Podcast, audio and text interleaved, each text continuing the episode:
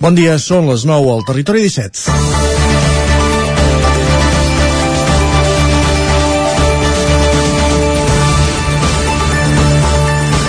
El Ripollès vol arribar als 30.000 habitants l'any 2030 gràcies a un pla amb 30 projectes concrets. Divendres, el Consell Comarcal va acollir la presentació de l'anomenat Pla de Reactivació Socioeconòmica, batejat com a Ripollès 3.30, el que neix fruit del treball conjunt entre l'ens supramunicipal, l'Agència de Desenvolupament del Ripollès i la Unió Intersectorial Empresarial de la comarca arran de la lluita contra els efectes de la crisi social i econòmica derivada de la Covid-19. Un dels objectius d'aquest pla és arribar als 30.000 habitants l'any 2030, una xifra que que no s'assoleix a la comarca des dels anys 60 i 70 del segle passat, en una bona època pels sectors tèxtil i industrial. El pla de reactivació socioeconòmica ha de transformar la comarca sobretot en ocupació, habitatge i transició energètica i digital. Per fer-ho, ja hi ha un pla definit amb 30 projectes concrets, elaborat gràcies a una subvenció de 103.000 euros del Servei Públic d'Ocupació de Catalunya i amb el cofinançament del Fons Social Europeu, que es podran dur a terme per mitjà d'una aportació de 818.000 euros del Consell Comarcal que venen del Fons Extraordinari de Cooperació Local de la Generalitat. L'aportació econòmica al pla de reactivació de créixer posterior i amb altres contribucions i l'arribada dels fons europeus Next Generation. Entre les accions del plan destaquen la redefinició de l'ensenyament dels oficis, l'oferiment d'un cicle formatiu d'auxiliar d'infermeria o la recerca de promotors que construeixin habitatge de nova planta per gent que no sigui de la segona residència. El repte és important, però sí que és cert que la societat de la informació i la tendència endegada arran de la pandèmia, però no només, de fugir de les grans ciutats hi ajuden serà important també per guanyar aquests 5.000 habitants que separen el Ripollès dels 30.000 una millora de les infraestructures com la variant de Ripoll o la històricament reivindicada desenvolupament ferroviari. Dimecres, 23 de febrer, aquí a tot el mundo, que comença el Territori 17 a la sintonia de la veu de Sant Joan, Ona Codinenca, Ràdio Cardeu, Ràdio Vic, el 9 FM i el 9 TV. Territori 17, amb Isaac Moreno i Jordi Sunyer.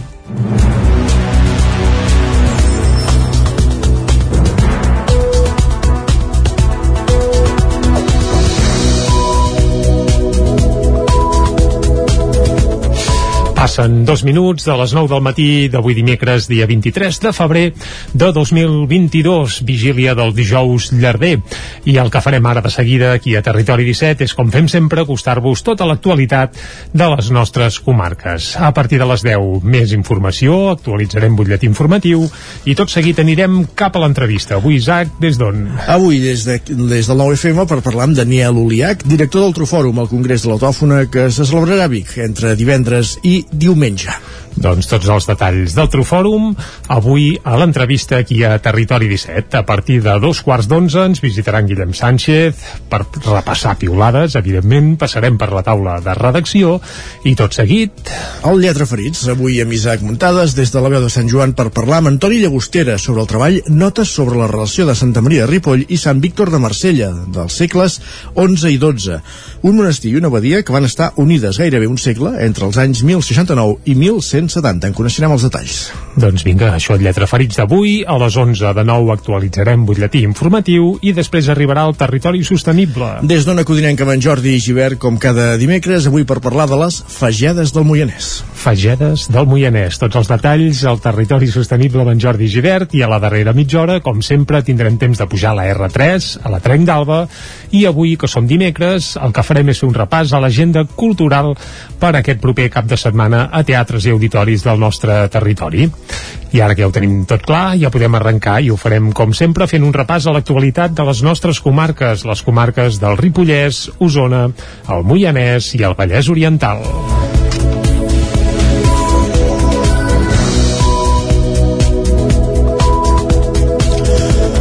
Eva Font, l'actual regidora de Cultura i Mitjans de Comunicació de l'Ajuntament de Manlleu, ha estat escollida com a candidata d'Esquerra a l'alcaldia a les eleccions municipals del 2023. Font, la primera dona que encapçalarà la llista dels republicans, aspira també a convertir-se en la primera alcaldessa de Manlleu. Agafa el relleu d'Àlex Garrido, des del, que des del 2015, alcalde, com dèiem, des de 2015, que quan acabi aquest mandat tancarà una trajectòria de 12 anys a l'Ajuntament. La candidatura d'Eva Font era l'única que es presentava al Congrés d'Esquerra Republicana a Manlleu per escollir qui encapçalarà la llista llista a les municipals del maig de l'any que ve. L'actual regidor de Cultura i Mitjans de Comunicació va obtenir el suport unànime dels militants que hi van participar. Vinculada des de fa una dècada a la secció local d'Esquerra i regidora des del 2019, Eva Font ha fet el pas de postular-se amb la voluntat de portar una visió femenina i feminista. Fins ara cap dona havia ocupat la primera posició de la llista d'Esquerra a Manlleu. Escoltem a Eva Font. Amb moltes ganes, eh, tal com he dit en el discurs, eh, penso que és molt important que les dones hi siguem, que hi hem de ser i va arribar aquest punt, no?, de dir he de fer un pas endavant perquè si vull que hi siguem però, però jo no hi sóc i, i entre que l'Àlex eh, ja havia dit que no renovava, doncs va ser el moment seguir treballant per Manlleu per fer projectes grans, però sobretot fer-ho des d'aquesta part d'equip de, de ser molt visibles, de ser molt propers i molt pròxims a la ciutadania.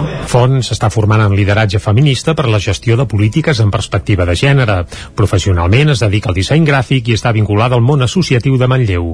Agafarà el relleu d'Àlex Garrido, que és alcalde de Manlleu des del 2015 i que ja havia sigut regidor en l'últim govern de Pere Prat. Garrido té clar que deixarà del tot l'Ajuntament un cop acabi aquest mandat. Penso que hem trobat una molt bona candidata, eh, una persona doncs, que, que està treballant molt bé a l'Ajuntament eh, en les seves àrees de, de responsabilitat. Per mi és un orgull ser l'alcalde de, de Manlleu i queden pocs mesos, eh, una mica més d'un any, i ho farem amb la il·lusió de sempre, no? I sobretot el que comentava abans, hi ha projectes que hem d'acabar, que ens fa molta il·lusió que culminin, un cop escollida la candidata, la secció local començarà a treballar en la definició del projecte electoral d'Esquerra i en la configuració de la llista, de la qual Eva Font no va voler avançar cap possible nom. Font ha estat la primera candidata a l'alcaldia per les eleccions municipals del 2023 que s'ha oficialitzat a Osona. Els partits asseguren que encara veuen lluny els comicis, falten un any i tres mesos, però alhora admeten que hi treballen. Esquerra, la formació amb més llistes, més vots i més regidors a Osona en les municipals del 2019, no ha avançat més noms a banda del d'Eva Font a Manlleu, però es dona per per fet que alcaldes que s'han estrenat aquest mandat, com Marçal Ortuño a Torelló, Mercè Cabanes a Taradell o Carles Morera a Muntanyola, repetiran de candidats en els comicis del 2023. També és probable que Maria Balasc torni a encapçalar la llista d'Esquerra a Vic. Junts per Catalunya, per la seva banda, preveu començar a oficialitzar candidats durant aquesta primavera. Caldrà veure com es resol l'encaix amb el PDeCAT després de la separació amb Junts a nivell català. Junts vol recuperar llista en municipis on tradicionalment havia tingut presència. A Vic, Anna R, l'estiu passat ja va obrir la porta a repetir com a candidata, tot i que inicialment tenia previst plegar a finals d'aquest mandat. En el cas del PSC, Josep Paré, alcalde de Centelles, es tornaria a presentar, i també Verònica Ruiz, que el juny de l'any passat va agafar el relleu Sergi Vilamala com a alcaldessa de les Masies de Voltregà. La CUP ha començat a treballar a nivell nacional, però encara sense concrecions a l'àmbit local. Entre les formacions que ara no tenen cap representació a la comarca d'Osona, però que sí que han anunciat llistes, hi han Comú Podem, Ciutadans, Ciutadans i el PP, que té Pau Ferran com a nou coordinador i probablement com a cap de llista per Vic. I si en Manlleu ja hi ha candidata, Ripoll Esquerra també ha mogut fitxa. L'actual regidora Chantal Pérez serà la candidata d'Esquerra a les municipals del 2023.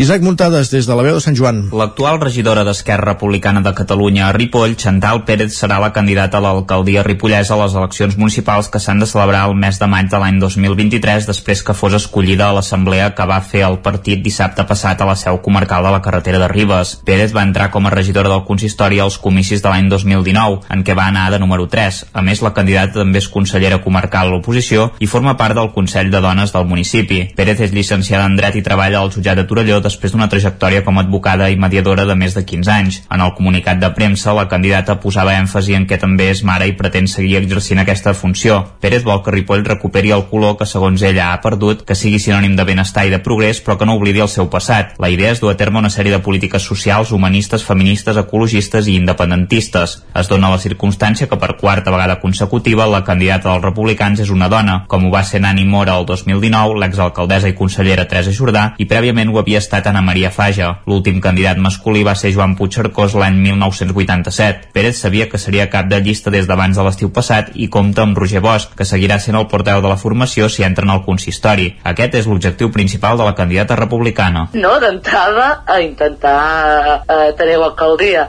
Evidentment, pla d'en Jordi Monell, que no és una cosa menor, eh, perquè després dels anys que porta i tot, i que com a persona té molta tirada, do, doncs és important. Però això, no? És evident que el que es necessita és un canvi i sacsejar una mica. Tants anys jo crec que no són bons per ningú. De fet, encara no és oficial, però tot apunta que l'actual regidora de Turisme, Comerç, Fires i Mercats, Manoli Vega, substituirà Jordi Monell, que abandonarà l'Ajuntament després d'entrar-hi com a regidor l'any 1991 i ha estat en el govern com a l'oposició abans de ser alcalde per primer cop l'any 2011 i després de tres mandats consecutius. Així doncs, tot apunta que hi podria haver com a mínim quatre candidates femenines, que serien elles dues, Sílvia Oriols d'Aliança Catalana, i caldrà veure si Ana Belén Avilés repetirà pel PSC. Per ara tot apunta que l'alternativa per Ripoll CUP repetiria Aitor Carmona. En tot cas, Pérez sap que haurà de pactar si vol governar i ja va deixar clar les seves preferències. D'entrada, evidentment, qualsevol persona que treballi per Ripoll, doncs ens hi haurem d'entendre, perquè mai hem aconseguit una majoria i a banda de que mai hem aconseguit una majoria, crec que el tauler polític de Ripoll i en general tendeix a que hi hagi d'haver pactes. Sí que hi ha una línia vermella, eh? Sí. Després altres, doncs, depèn, depèn del discurs i depèn, evidentment, de... sobretot parlo del PSC, eh? i depèn de si, està, si juguen a ser un PSOE fort doncs també n'hauríem de parlar Pérez descartava cap mena de pacte amb l'Aliança Catalana de Sílvia Oriols i no tancava la porta a pactar amb Junts i encara un últim punt de política, Junts per Roda registra com a partit independent i Albert Aguilar passa a ser regidor no adscrit. Fins ara, Junts per Catalunya tenia dos regidors al govern de Roda i un a l'oposició. La situació atípica del grup municipal de Junts per Roda, eh, amb dos regidors al govern i un a l'oposició, s'ha resolt després de gairebé dos anys, probablement ja amb una mirada preelectoral. En un punt d'urgència al ple de la setmana passada es va donar compte que Albert Aguilar, número 2 al 2019 i ara a l'oposició, passa a ser regidor no adscrit i, per tant, es desvincula del grup. El motiu, segons va dir ell mateix, era per posar lògica a la situació actual dins d'un grup en què la relació amb la resta de companys era nula. Aguilar, que va fer el discurs amb la mascareta de Junts per Catalunya, es va erigir com a representant del partit de Puigdemont a Roda, amb qui assegurava que estan treballant, deixant clar que ni jo ni Junts tenim cap vinculació amb Junts per Roda. Al ple, els regidors de Junts per Roda al govern, Joan Moreno i Marina Quintana, van anunciar que s'han constituït com a partit polític al registre del Ministeri de l'Interior, legalitzat fiscalment, amb finançament i estructura pròpia. Segons Moreno, d'aquesta manera es consolida el projecte del grup al municipi i afegia que la decisió d'Aguilar arriba un pèl tard després de la trencadissa del govern que van formar amb independents per roda i que després d'una crisi va desbancar una moció de censura. Aquest nou escenari fa entreveure que el 2023 a Roda, com a mínim, hi haurà una llista més que el 2019, amb la divisió ja oficial, ara sí, dels postconvergents. El govern de Pere Aragonès ha decidit flexibilitzar la gestió dels casos de Covid a l'entorn escolar i a partir d'avui dimecres només hauran de fer quarantena els alumnes que donin positiu. A efectes pràctics, el protocol Covid, que fins ara obligava a identificar contactes estrets i dictar quarantenes, quedarà sense efecte i només s'aplicarà als centres d'educació especial. D'aquesta manera, els centres escolars i les famílies no hauran de comunicar si el motiu de l'absència a classe de l'alumnat és degut a la Covid-19. El govern català pren aquesta decisió després de constatar que els infants i els joves no són, en termes generals, és un grup de risc. Cau, per tant, l'obligatorietat d'actualitzar diàriament l'aplicació Traça Covid, que va habilitar-se per controlar la incidència dels virus a les escoles. Només ho hauran de continuar fent als centres d'educació especial. El que sí que es manté de moment és l'ús obligatori de mascareta en interiors, una mesura que l'Associació Espanyola de Pediatria proposa abandonar a finals de mes, sempre i quan es reforcin els sistemes de ventilació. I les obres de remodelació i ampliació de les cases dels mestres de Caldes de Montbui acabaran a finals d'any. La reforma de l'edifici permetrà ampliar el casal de la gent gran i dotar de nous espais polivalents al poble, que era el campàs des d'Ona Codinenca. Aquesta obra de remodelació a l'edifici colindant a la plaça Catalunya acabarà aquest octubre. Així ho va anunciar l'arquitecte del projecte Diego Nakamatsu aquest dimarts en una visita oberta a les obres. La finalització de les obres és en setembre octubre de este año. Eh, probablemente la obra civil acabe antes, un poco también en, en, previsión de los cambios económicos de la construcción, es decir, estamos tratando de acelerar los procesos para poder eh, acabar antes y poder equiparlos. Els assistents van poder visitar la planta baixa de l'edifici amb una àmplia sala polivalent on hi haurà el casal de la gent gran i el despatx de l'Associació de Gent Gran. Antonio Hernández, president de l'Esplai de Gent Gran, l'entitat amb un nombre més elevat de socis de Caldes, més de 900 persones, valorava així el projecte. Ja ho estàvem esperant ja fa temps. Avui és la primera visita una mica general que fem. Espectacular suposo que quan estigui acabat això ja serà pues, Molt espectacular. més espectacular encara. Sempre que la gent ho, ho demanava una cosa d'aquestes. I doncs amb aquest espai que hi ha aquí que és mm, més gran que el que hi havia abans pues, això és, també això ho valoren la gent també ho valorarà. I llavors tot l'altre que hi ha fet que també formarà part també de, de l'esplai Els visitants també van veure com serà la primera planta que acollirà el centre obert Buimont, l'equipament de la regidoria de benestar social destinat a joves i una gran terrassa de 270 metres quadrats que servirà per usos culturals i activitats físiques a l'aire lliure. Tal com us avançàvem ahir, aquesta tarda la Universitat de Vic presenta, s'hi presenta el llibre de Juan Carlos Unzué amb l'ELA com a protagonista, una malaltia degenerativa que afecta gairebé 4.000 persones a tot l'estat espanyol. Doncs sortint del confinament també van diagnosticar aquesta malaltia a Ildefons Oliveres. Els seus fills van decidir escriure un llibre per explicar la malaltia als més petits i recaptar fons per la investigació. Aquest diumenge el presentaven al Teatre Auditori de Cardedeu. Ens ho explica des d'allà la Núria Lázaro de Ràdio Televisió Cardedeu. Bon dia, Núria. Ma amiga es tracta d'un conte il·lustrat infantil creat entre tres germans per donar a conèixer i recaptar diners per una futura cura de l'ELA, una malaltia degenerativa que afecta 4.000 persones a Espanya i de la que se'n coneix molt poca cosa. Dalmau Ildefons Oliveres, creador del llibre i protagonista. El 2020 van diagnosticar el nostre pare amb la, amb la malaltia, just sortíem del confinament, i llavors eh, bueno, passat un temps d'intentar pair aquest cop tan dur, pues, amb els germans vam començar a pensar què podríem fer per, per donar-li un cop de mà al nostre pare, per estar forts nosaltres i també per donar a conèixer la malaltia. No la coneixíem gaire, potser n'havíem sentit a parlar una mica, no fa molt havíem vist una pel·lícula a la tele de la vida del, de l'Steve Jobkins, eh, però no en sabíem res. Sabíem que hi era i, poc, i poca cosa més. Tot el que hem anat sabent ha sigut a partir del, eh, del famós 20, eh, 19 de juny 19 de juny del 2020 eh, llavors doncs mira ara estem en, ple, en plena lluita per anar subsistint i anar resistint fins que, fins que la malaltia digui s'acabó La presentació del llibre al Teatre Auditori de Cardedeu va estar dirigida per en Pep Plaza, on va poder convidar a molts personatges que ell imita. La contacontes Mela Maluenda va ser l'encarregada d'explicar el llibre als més menuts que van acabar ballant amb l'actuació de la Damaris Jalabert. Tots els diners recaptats del conte aniran a Tricals, una iniciativa europea d'investigació que suma les forces dels millors centres, hospitals, indústria farmacèutica i pacients de tot el continent per trobar una cura paral·lela. Gràcies, Núria. Un últim punt de servei abans del temps, i és que un accident talla l'N141D a Callatenes, estem parlant de la variant de Callatenes, informa el Servei Català de Trànsit des de fa pocs minuts, com recordem, un accident que talla la variant de Callatenes, l'N141D. Intentarem ampliar la informació sobre aquest accident en els primers minuts al territori 17.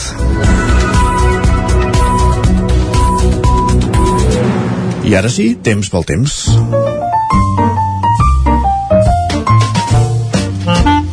Casa Terradellos us ofereix el temps. I si és temps el, pel temps, vol dir que és temps per en Pep Acosta, que ja el tenim a punt per explicar-nos què ens espera avui meteorològicament parlant. Pep, molt bon dia. Hola, bon dia. I bona hora. Ja som dimecres, Correcte. va avançar la setmana. Sí, sí. A les portes ja del Carnaval.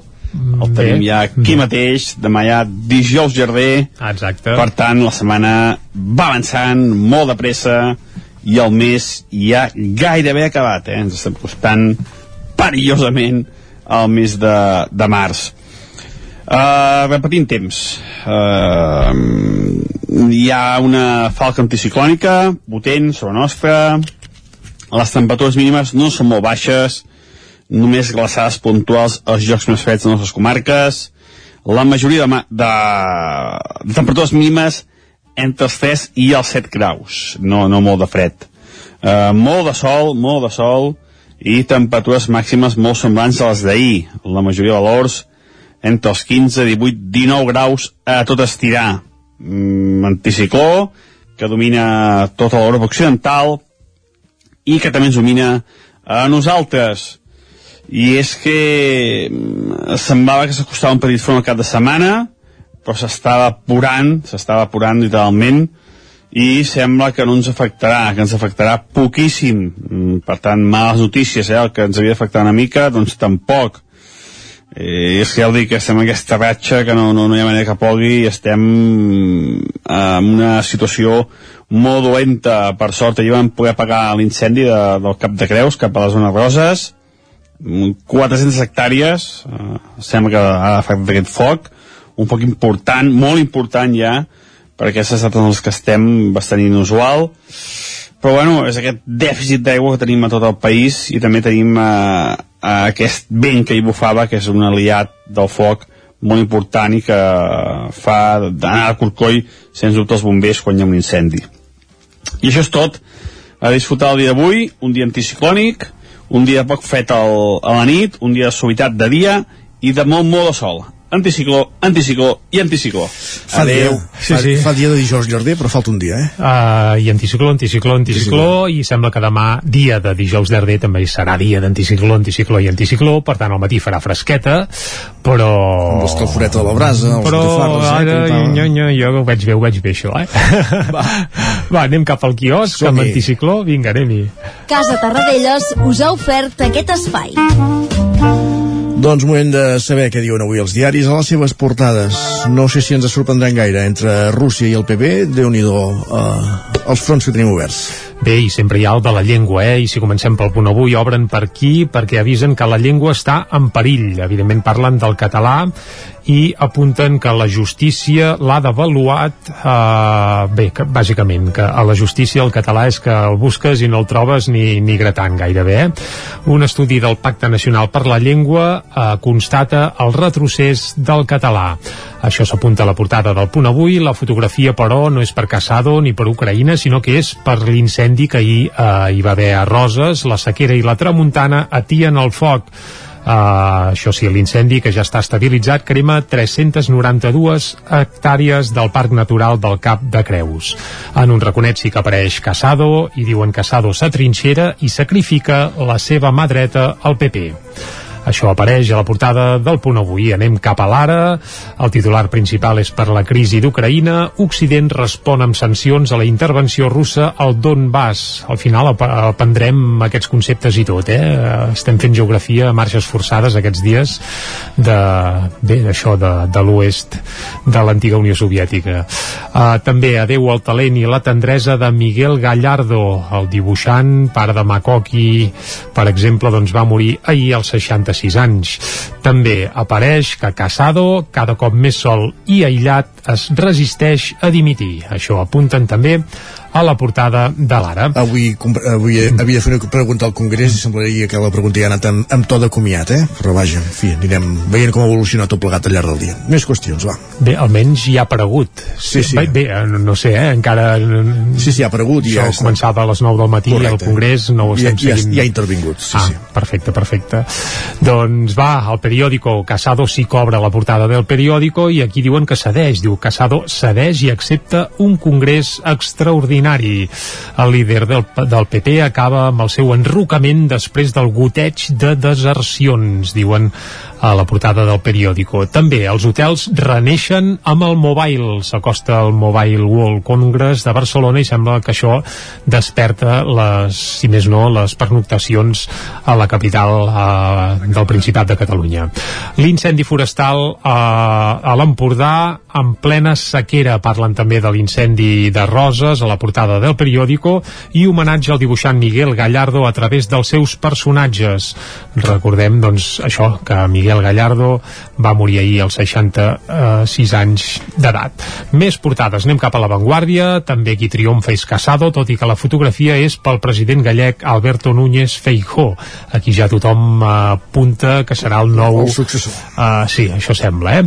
Casado s'enroca davant la pressió interna perquè dimiteixi es, gairebé es contradiuen amb la portada del periòdic és ben, sí, ben perquè a més el concepte enrocar ja el van fer servir ahir sí. molts diaris. Sí, sí, sí, doncs mira, avui s'ha encomanat.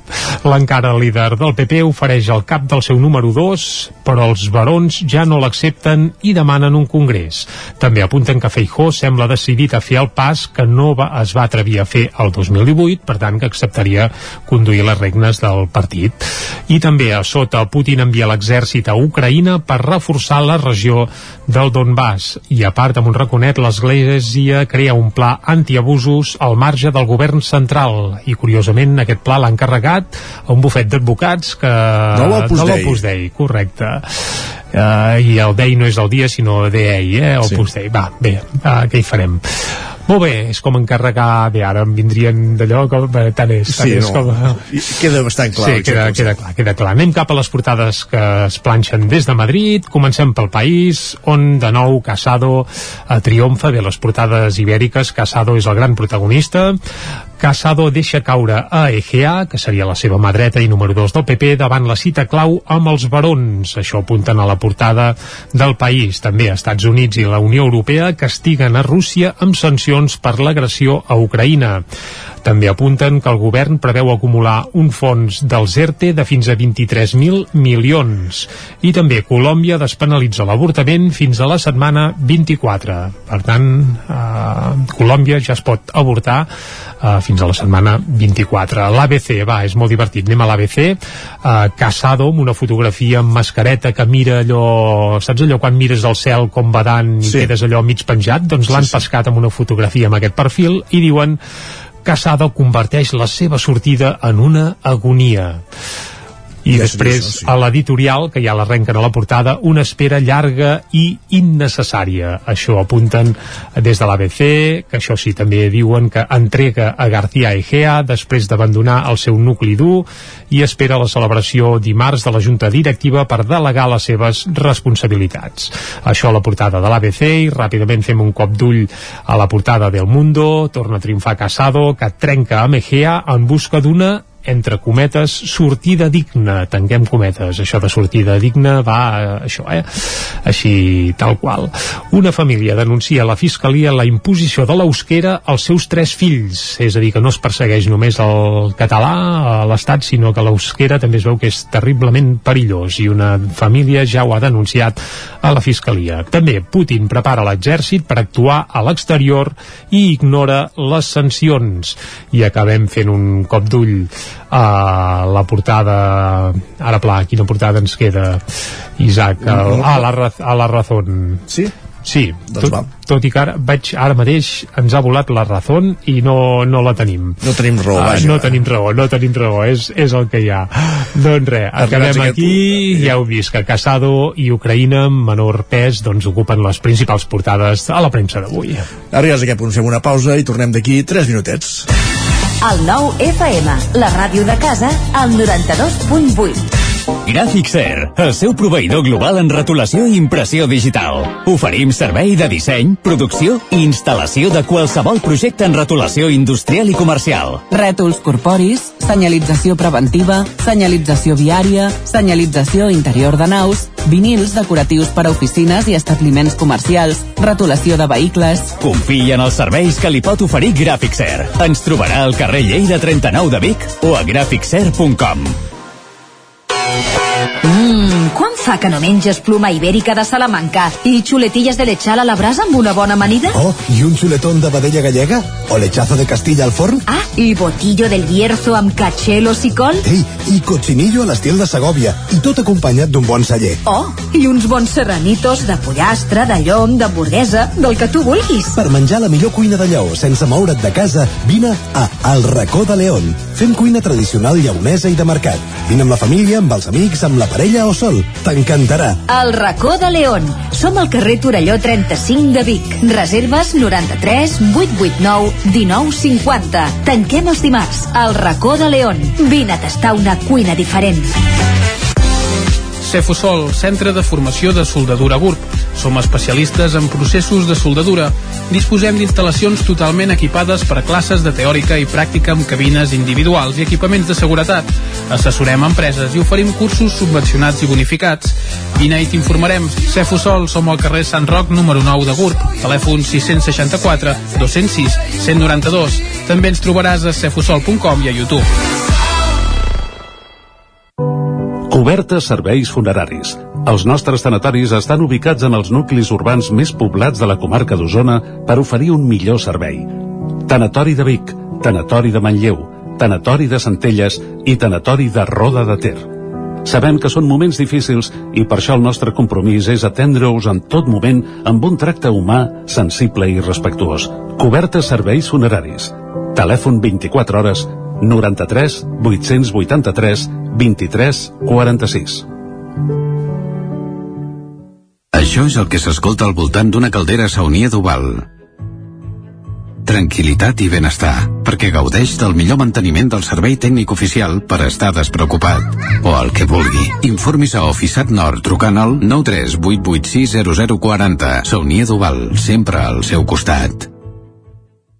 Anuncia't al 9FM. La màquina de casa. 9 3 8 8 9 4 9 4 9 Publicitat arroba al 9FM.cat. Anuncia't al 9FM. La publicitat més eficaç.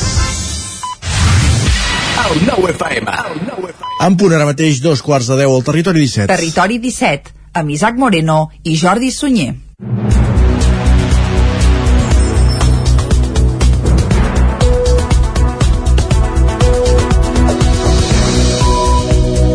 I a dos quarts de deu en punt tocats serà el moment de seguida d'acostar-vos de nou tota l'actualitat de les nostres comarques, però abans ja us avancem una mica tot el menú que tindrem fins al punt de les 12 del migdia.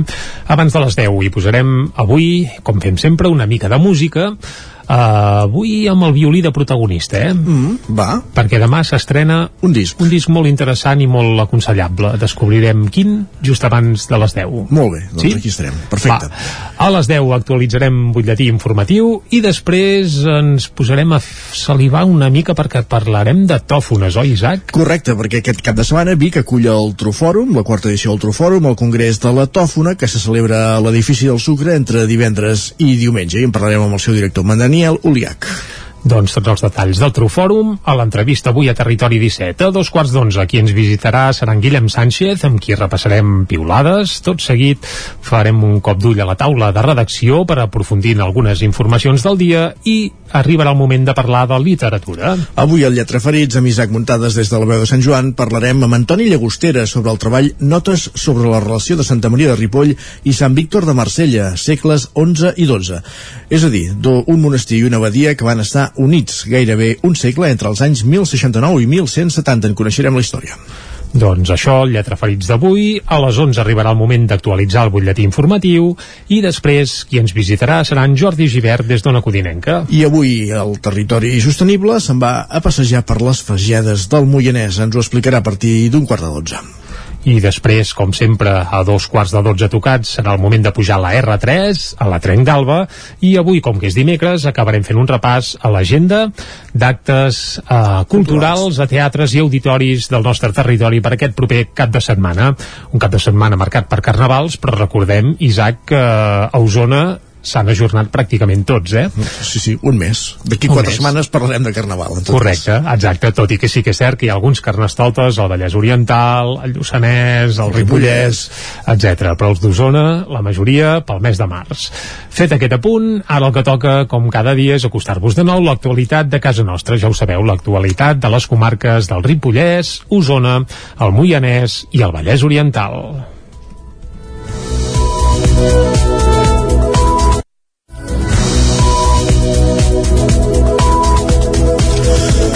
Eva Font, l'actual regidora de Cultura i Mitjans de Comunicació de l'Ajuntament de Manlleu, ha estat escollida com a candidata d'Esquerra a l'alcaldia a les eleccions municipals del 2023. Font, la primera dona que encapçalarà la llista dels republicans, aspira també a convertir-se en la primera alcaldessa de Manlleu.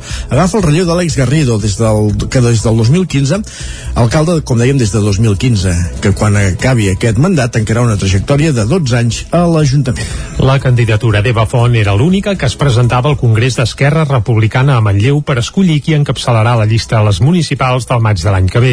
L'actual regidora de Cultura i Mitjans de Comunicació va obtenir el suport unànime dels militants que hi van participar. Vinculada des de fa una dècada a la secció local d'Esquerra i regidora des del 2019, Eva Font ha fet el pas de postular-se amb la voluntat de portar una visió femenina i feminista. Fins ara cap dona havia ocupat la primera posició de la llista d'Esquerra a Manlleu. Escoltem a Eva Font.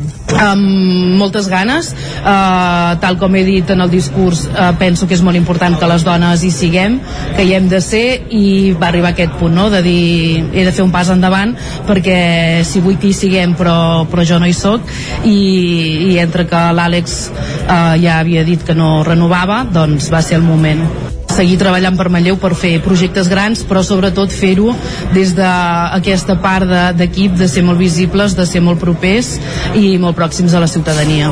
Fons s'està formant en lideratge feminista per la gestió de polítiques en perspectiva de gènere. Professionalment es dedica al disseny gràfic i està vinculada al món associatiu de Manlleu.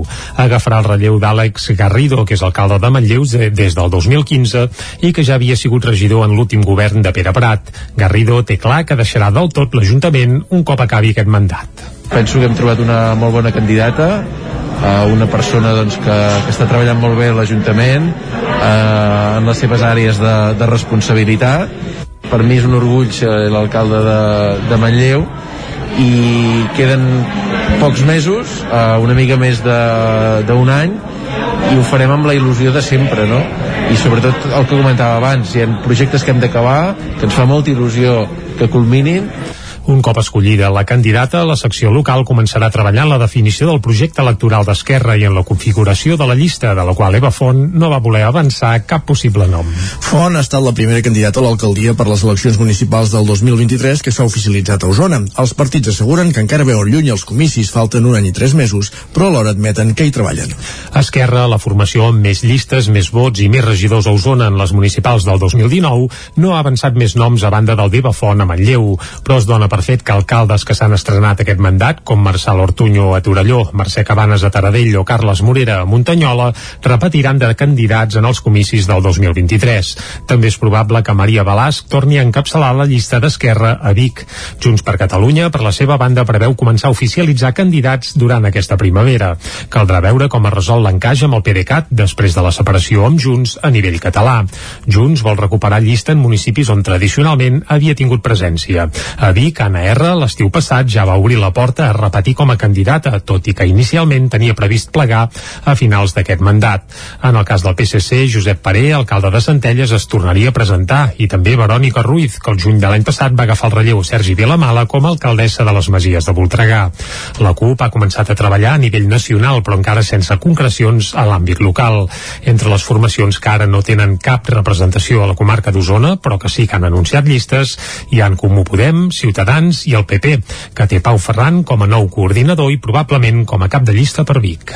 I si en Manlleu ja hi ha candidata, Ripoll Esquerra també ha mogut fitxa. L'actual regidora Chantal Pérez serà la candidata d'Esquerra a les municipals del 2023. Isaac Muntades, des de la veu de Sant Joan. L'actual regidora d'Esquerra Republicana de Catalunya a Ripoll, Chantal Pérez, serà la candidata a l'alcaldia ripollesa a les eleccions municipals que s'han de celebrar el mes de maig de l'any 2023 després que fos escollida a l'assemblea que va fer el partit dissabte passat a la seu comarcal de la carretera carretera de Ribes. Pérez va entrar com a regidora del consistori als comicis de l'any 2019, en què va anar de número 3. A més, la candidata també és consellera comarcal a l'oposició i forma part del Consell de Dones del municipi. Pérez és llicenciada en Dret i treballa al jutjat de Torelló després d'una trajectòria com a advocada i mediadora de més de 15 anys. En el comunicat de premsa, la candidata posava èmfasi en que també és mare i pretén seguir exercint aquesta funció. Pérez vol que Ripoll recuperi el color que, segons ella, ha perdut, que sigui sinònim de benestar i de progrés, però que no oblidi el seu passat. La idea és dur a terme una sèrie de polítiques socials, humanistes, feministes, ecologistes i independentistes. Es dona la circumstància que per quarta vegada consecutiva la candidata dels republicans és una dona, com ho va ser Nani Mora el 2019, l'exalcaldessa i consellera Teresa Jordà, i prèviament ho havia estat Anna Maria Faja. L'últim candidat masculí va ser Joan Puigcercós l'any 1987. Pérez sabia que seria cap de llista des d'abans de l'estiu passat i compta amb Roger Bosch, que seguirà sent el porteu de la formació si entra en el consistori. Aquest és l'objectiu principal de la candidata republicana. No, d'entrada, intentar eh, tenir l'alcaldia. Evidentment, ple d'en Jordi Monell, que no és una cosa menor, eh, perquè després dels anys que porta i tot, i que ell com a persona té molta tirada, do, doncs és important. Però això, no? És evident que el que es necessita és un canvi i sacsejar una mica. Tants anys jo crec que no són bons per ningú. De fet, encara no és oficial, però tot apunta que l'actual regidora de Turisme, Comerç, Fires i Mercats, Manoli Vega, substituirà Jordi Monell, que abandonarà l'Ajuntament després d'entrar-hi com a regidor l'any 1991 i ha estat en el govern govern com a l'oposició abans de ser alcalde per primer cop l'any 2011 i després de tres mandats consecutius. Així doncs, tot apunta que hi podria haver com a mínim quatre candidates femenines, que serien elles dues, Sílvia Oriols d'Aliança Catalana, i caldrà veure si Ana Belén Avilés repetirà pel PSC. Per ara tot apunta que l'alternativa per Ripoll Cup repetiria Aitor Carmona. En tot cas, Pérez sap que haurà de pactar si vol governar i ja va deixar clar les seves preferències. D'entrada, evidentment, qualsevol persona que treballi per Ripoll, pues ens hi haurem d'entendre, perquè mai hem aconseguit una majoria i a banda de que mai hem aconseguit una majoria, crec que el tauler polític de Ripoll en general tendeix a que hi hagi d'haver pactes. És sí que hi ha una línia vermella, eh? Sí. Després altres, doncs, depèn, depèn del discurs i depèn, evidentment, de... sobretot parlo del PSC, eh? I depèn de si, està, si juguen a ser un PSOE fort doncs també n'hauríem de parlar Pérez descartava cap mena de pacte amb l'Aliança Catalana de Sílvia Oriols i no tancava la porta a pactar amb Junts i encara un últim punt de política, Junts per Roda registra com a partit independent i Albert Aguilar passa a ser regidor no adscrit. Fins ara, Junts per Catalunya tenia dos regidors al govern de Roda i un a l'oposició. La situació atípica del grup municipal de Junts per Roda, eh, amb dos regidors al govern i un a l'oposició, s'ha resolt després de gairebé dos anys, probablement ja amb una mirada preelectoral. En un punt d'urgència al ple de la setmana passada es va donar compte que Albert Aguilar, número 2 al 2019 i ara a l'oposició, passa a ser regidor no adscrit i per tant es desvincula del grup. El motiu, segons va dir ell mateix, era per posar lògica a la situació actual dins d'un grup en què la relació amb la resta de companys era nula. Aguilar, que va fer el discurs amb la mascareta de Junts per Catalunya, es va erigir com a representant del partit de Puigdemont a Roda, amb qui assegurava que estan treballant, deixant clar que ni jo ni Junts tenim cap vinculació amb Junts per Roda. Al ple, els regidors de Junts per Roda al govern, Joan Moreno i Marina Quintana, van anunciar que s'han constituït com a partit polític al registre del Ministeri de l'Interior, legalitzat fiscalment, amb finançament i estructura pròpia. Segons Moreno, d'aquesta manera es consolida el projecte del grup al municipi i afegia que la decisió d'Aguilar arriba un pèl tard després de la trencadissa del govern que van formar amb independents per roda i que després d'una crisi va desbancar una moció de censura. Aquest nou escenari fa entreveure que el 2023 a Roda, com a mínim, hi haurà una llista més que el 2019, amb la divisió ja oficial, ara sí, dels postconvergents. El govern de Pere Aragonès ha decidit flexibilitzar la gestió dels casos de Covid a l'entorn escolar i a partir d'avui dimecres només hauran de fer quarantena els alumnes que donin positiu. A efectes pràctics, el protocol Covid, que fins ara obligava a identificar contactes estrets i dictar quarantenes, quedarà sense efecte i només s'aplicarà als centres d'educació especial. D'aquesta manera, els centres escolars i les famílies no hauran de comunicar si el motiu de l'absència a classe de l'alumnat és degut a la Covid-19. El govern català pren aquesta decisió després de constatar que els infants i els joves no són, en generals, és un grup de risc. Cau, per tant, l'obligatorietat d'actualitzar diàriament l'aplicació Traça Covid que va habilitar-se per controlar la incidència dels virus a les escoles. Només ho hauran de continuar fent als centres d'educació especial. El que sí que es manté de moment és l'ús obligatori de mascareta en interiors, una mesura que l'Associació Espanyola de Pediatria proposa abandonar a finals de mes, sempre i quan es reforcin els sistemes de ventilació. I les obres de remodelació i ampliació de les cases dels mestres de Caldes de Montbui acabaran a finals d'any. La reforma de l'edifici permetrà ampliar el casal de la gent gran i dotar de nous espais polivalents al poble, que era el campàs des d'Ona Codinenca. Aquesta obra de remodelació a l'edifici colindant a la plaça Catalunya acabarà aquest octubre. Així ho va anunciar l'arquitecte del projecte Diego Nakamatsu aquest dimarts en una visita oberta a les obres. La finalització de les obres és en septiembre octubre de este año. Eh, probablemente la obra civil acabe antes, un poco también en, previsión de los cambios económicos de la construcción, es decir, estamos tratando de acelerar los procesos para poder eh, acabar eh, antes y poder equiparlos. Els assistents van poder visitar la planta baixa de l'edifici amb una àmplia sala polivalent on hi haurà el casal de la gent gran i el despatx de l'Associació de Gent Gran. Antonio Hernández, president de l'Esplai de Gent Gran, l'entitat amb un nombre més elevat de socis de Caldes, més de 900 persones, valorava així el projecte. Ja ho estàvem esperant ja fa temps. Avui és la primera visita una mica general que fem. Espectacular. Suposo que quan estigui acabat això ja serà pues, més espectacular. Més espectacular encara. Sempre que la gent ho, ho demanava, una cosa d'aquestes. I doncs aquest espai que hi ha aquí, que és més gran que el que hi havia abans, pues, això també això ho valoren, la gent també ho valorarà. I llavors tot l'altre que ja ha fet, eh, també formarà part també de, de l'esplai. Els visitants també van veure com serà la primera planta que acollirà el centre obert Buimont, l'equipament de la regidoria de benestar social destinat a joves i una gran terrassa de 270 metres quadrats que servirà per usos culturals i activitats físiques a l'aire lliure. Tal com us avançàvem ahir, aquesta tarda la Universitat de Vic presenta, s'hi presenta el llibre de Juan Carlos Unzué amb l'ELA com a protagonista, una malaltia degenerativa que afecta gairebé 4.000 persones a tot l'estat espanyol. Doncs sortint del confinament també van diagnosticar aquesta malaltia a Ildefons Oliveres. Els seus fills van decidir escriure un llibre per explicar la malaltia als més petits i recaptar fons per la investigació. Aquest diumenge el presentaven al Teatre Auditori de Cardedeu. Ens ho explica des d'allà la Núria Lázaro de Ràdio Televisió Cardedeu. Bon dia, Núria. Ma amiga es tracta d'un conte il·lustrat infantil creat entre tres germans per donar a conèixer i recaptar diners per una futura cura de l'ELA, una malaltia degenerativa que afecta 4.000 persones a Espanya i de la que se'n coneix molt poca cosa. Dalmau Ildefons Oliveres, creador del llibre i protagonista. El 2020 van diagnosticar el nostre pare amb la, amb la malaltia, just sortíem del confinament, i llavors eh, bueno, passat un temps d'intentar pair aquest cop tan dur pues, amb els germans vam començar a pensar què podríem fer per, per donar-li un cop de mà al nostre pare, per estar forts nosaltres i també per donar a conèixer la malaltia. No la coneixíem gaire. Potser n'havíem sentit a parlar una mica. No fa molt havíem vist una pel·lícula a la tele de la vida del, de l'Steve Jobkins eh, però no sabíem res. Sabíem que hi era i, poca, i poca cosa més. Tot el que hem anat sabent ha sigut a partir del, eh, del famós 20, eh, 19 de juny 19 de juny del 2020 eh, llavors doncs mira ara estem en, ple, en plena lluita per anar subsistint i anar resistint fins que, fins que la malaltia digui s'acabó la presentació del llibre al Teatre Auditori de Cardedeu va estar dirigida per en Pep Plaza, on va poder convidar molts personatges que ell imita. La contacontes Mela Maluenda va ser l'encarregada d'explicar el llibre als més menuts que van acabar ballant amb l'actuació de la Damaris Jalabert.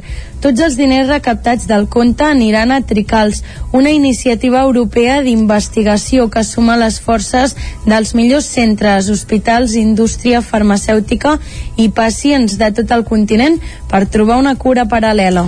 Gràcies, Núria. Un últim punt de servei abans del temps, i és que un accident talla l'N141D a Callatenes. Estem parlant de la variant de Callatenes, informa el Servei Català de Trànsit des de fa pocs minuts. Com recordem, un accident que talla la variant de Callatenes, l'N141D. Intentarem ampliar la informació sobre aquest accident en els primers minuts al territori 17.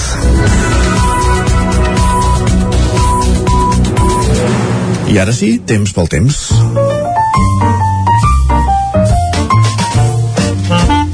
Casa Terradellos us ofereix el temps. I si és temps el, pel temps, vol dir que és temps per en Pep Acosta, que ja el tenim a punt per explicar-nos què ens espera avui meteorològicament parlant. Pep, molt bon dia. Hola, bon dia. I bona hora. Ja som dimecres, Correcte. va avançar la setmana. Sí, sí. A les portes ja del Carnaval. El Bé. tenim ja aquí mateix, demà ja dijous jardí. Exacte. Per tant, la setmana va avançant molt de pressa i el mes ja gairebé acabat, eh? Ens estem costant perillosament al mes de, de març. Uh, repetim temps. Uh, hi ha una falca anticiclònica potent sobre nostra. Les temperatures mínimes no són molt baixes, només glaçades puntuals als jocs més freds de les nostres comarques. La majoria de, de, de temperatures mínimes entre els 3 i els 7 graus, no, no molt de fred. Uh, molt de sol, molt de sol, i temperatures màximes molt semblants a les d'ahir. La majoria de valors entre els 15, 18, 19 graus a tot estirar. Mm, anticicló, que domina tota l'Europa occidental i que també ens domina a nosaltres.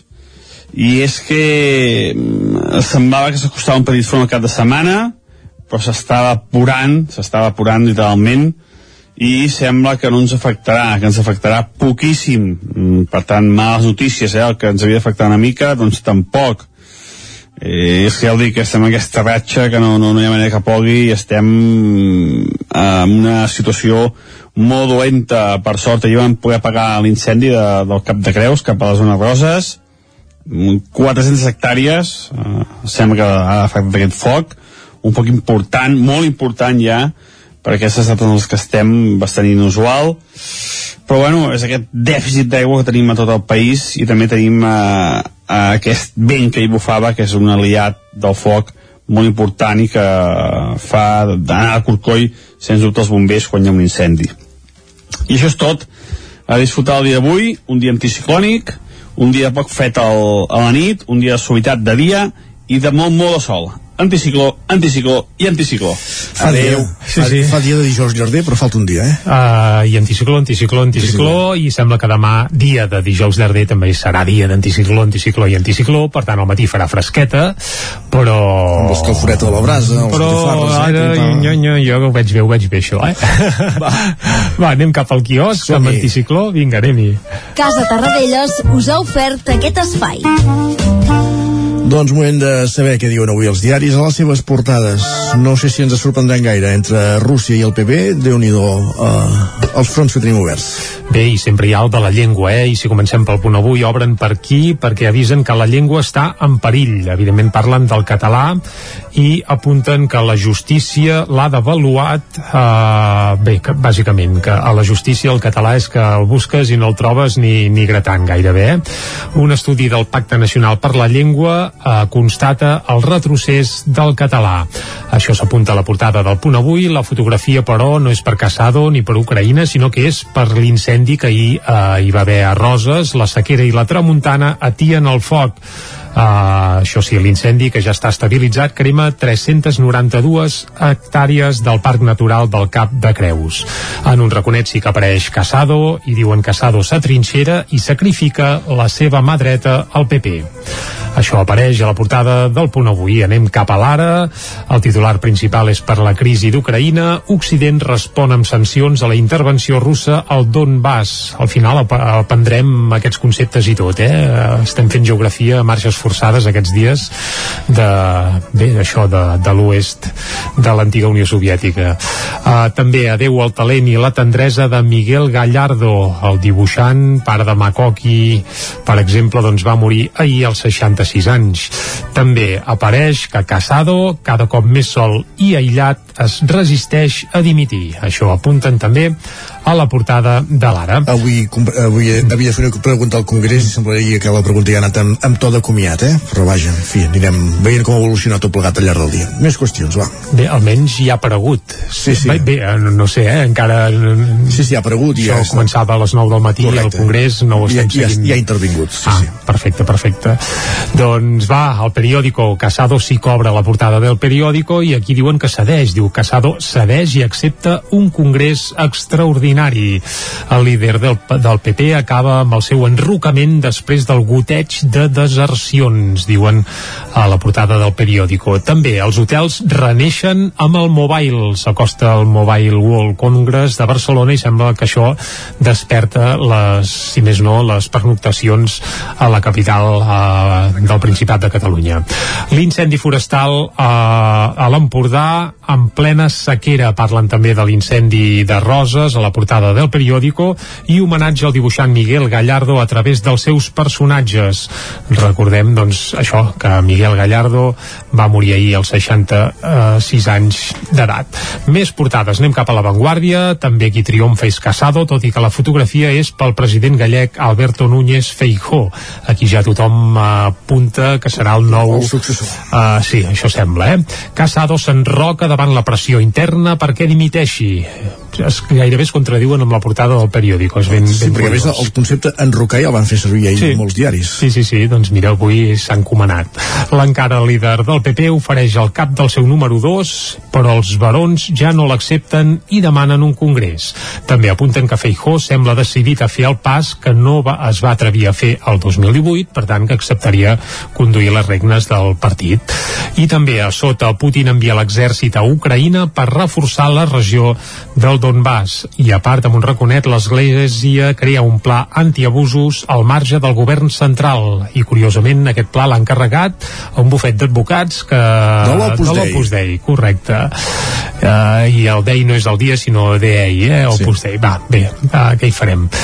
Molt bé, és com encarregar... Bé, ara em vindrien d'allò com... Bé, tant és, tant sí, és no. com... Queda bastant clar. Sí, queda, queda clar, queda clar. Anem cap a les portades que es planxen des de Madrid. Comencem pel país, on de nou Casado eh, triomfa de les portades ibèriques. Casado és el gran protagonista. Casado deixa caure a Egea, que seria la seva mà dreta i número 2 del PP, davant la cita clau amb els barons. Això apunten a la portada del país. També Estats Units i la Unió Europea castiguen a Rússia amb sancions per l'agressió a Ucraïna. També apunten que el govern preveu acumular un fons dels ERTE de fins a 23.000 milions. I també Colòmbia despenalitza l'avortament fins a la setmana 24. Per tant, eh, Colòmbia ja es pot avortar eh, fins a la setmana 24. L'ABC, va, és molt divertit. Anem a l'ABC. Eh, Casado, amb una fotografia amb mascareta que mira allò... Saps allò quan mires al cel com badant i sí. quedes allò mig penjat? Doncs l'han sí, sí. pescat amb una fotografia amb aquest perfil i diuen Casado converteix la seva sortida en una agonia i després sí. a l'editorial, que ja l'arrenquen a la portada, una espera llarga i innecessària. Això apunten des de l'ABC, que això sí també diuen que entrega a García Egea després d'abandonar el seu nucli dur i espera la celebració dimarts de la Junta Directiva per delegar les seves responsabilitats. Això a la portada de l'ABC i ràpidament fem un cop d'ull a la portada del Mundo, torna a triomfar Casado, que trenca amb Egea en busca d'una entre cometes, sortida digna, tanquem cometes, això de sortida digna va això, eh? Així, tal qual. Una família denuncia a la Fiscalia la imposició de l'eusquera als seus tres fills, és a dir, que no es persegueix només el català a l'Estat, sinó que l'eusquera també es veu que és terriblement perillós i una família ja ho ha denunciat a la Fiscalia. També Putin prepara l'exèrcit per actuar a l'exterior i ignora les sancions. Doncs, com dèiem, Rússia i, el, i la crisi dins el Partit Popular que acaparen les portades dels diaris que avui podem trobar al quios. N'hem fet un repàs ara amb Jordi Sunyer i entrem a la recta final d'aquesta primera hora del territori 17 d'avui dimecres, 23 de febrer de l'any 2022. Una recta final que sempre l'acabem amb música. I avui amb música de la violonista usonenca Coloma Bertran. Escoltarem una de les cançons del disc que demà apareix, dona, surt a la llum, Principis, és el segon disc en solitari d'aquesta violinista usonenca i el que farem avui tot seguit és escoltar la cançó que dona títol a aquest disc, que dona nom a Principis. Coloma Bertran, que va treure un primer disc amb tot de col·laboracions de diversos intèrprets cantant sobre les peces que ella interpretava, que ella tocava amb el violí, i ara ens sorprèn amb aquest segon treball discogràfic, com dèiem, el segon en solitari de Coloma Bertran, Principis, i aquesta és la peça que li dona nom amb ella, fins al punt de les 10 al territori 17.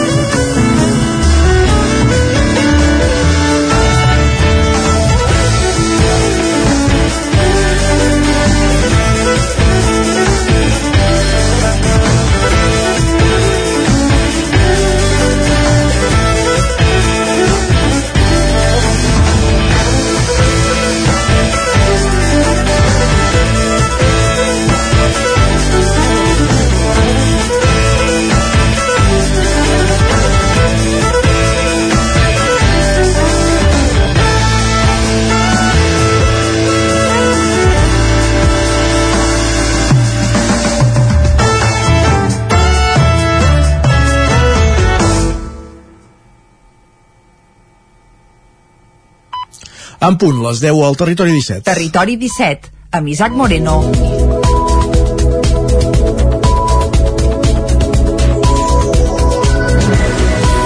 Moment al Territori 17 de posar-nos al dia, d'actualitzar-nos amb les notícies més destacades de les comarques del Territori 17, Osona, el Ripollès, el Moianès i el Vallès Oriental, i ho fem cada dia en connexió amb les diferents emissores que fan possible aquest programa, la veu de Sant Joan, Ona Codinenca, Ràdio Cardedeu, Ràdio Vic, el 9 FM i el 9 TV.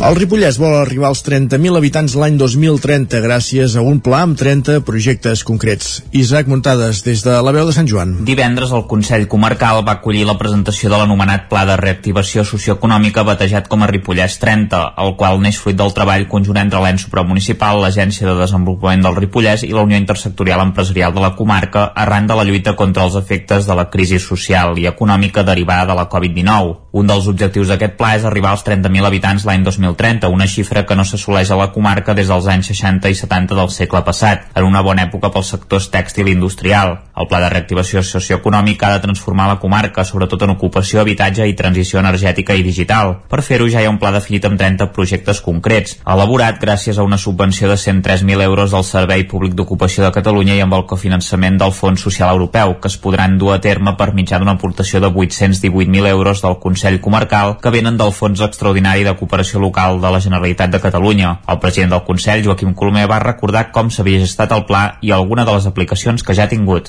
Contents d'haver creat aquestes 12 taules sectorials en les quals doncs, s'hi han representat tots els sectors de la comarca i per tant s'ha pogut recollir totes les inquietuds i necessitats d'aquests 12 sectors. D'alguna manera vam passat quasi el 2% dels habitants del Ripollès per aquestes taules. El que ara és actual president del govern i aleshores doncs era vicepresident va prometre que aquest finançament arribaria al mes de febrer del 2021. Aquest finançament no va arribar al mes de febrer, sinó que va arribar al desembre del 2000, però sí que ens va arribar un anticip eh, al voltant de 130.000 euros, al qual nosaltres de seguida doncs, ja vam donar sortida. Per exemple, destinant 25.000 euros a l'escorxador comarcal del Ripollès. L'aportació econòmica al pla de reactivació ha de créixer a posteriori amb altres contribucions i l'arribada dels fons europeus Next Generation. Entre les accions del plan destaquen la redefinició de l'ensenyament dels oficis, l'oferiment d'un cicle formatiu d'auxiliar d'infermeria o la recerca de promotors que construeixin habitatge de nova planta per gent que no sigui de segona residència. També es vol normalitzar l'ús de les plataformes de comerç en línia, crear un projecte específic de l'entorn de la bicicleta, campanyes de comunicació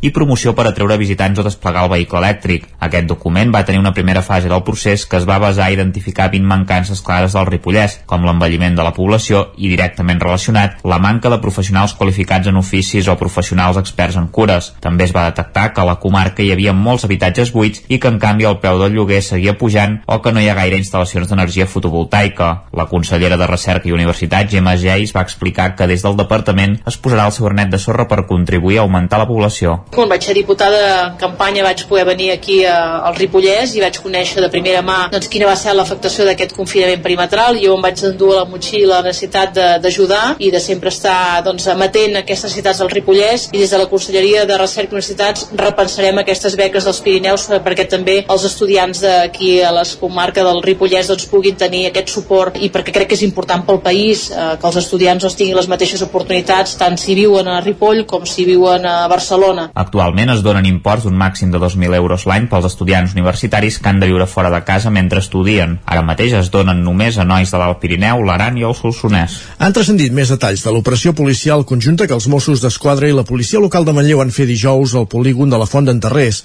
que va acabar amb tres detinguts. Els agents van trobar més d'un miler de plantes de marihuana i també moltes armes. Els detinguts tenien sis carabines, un revòlver, una pistola, una defensa elèctrica, una ballesta, un arc, un fusell de pesca submarina i una arma blanca. Tot i que està pendent la confirmació per part de la Unitat Central de Balística dels Mossos d'Esquadra, es creu que la majoria d'armes serien d'aire comprimit. Pel que fa a la marihuana, a l'interior de les dues naus on els agents van entrar dijous, s'hi van localitzar 1.079 plantes, a més de focus, extractors i altres objectes dedicats al cultiu en espais interiors.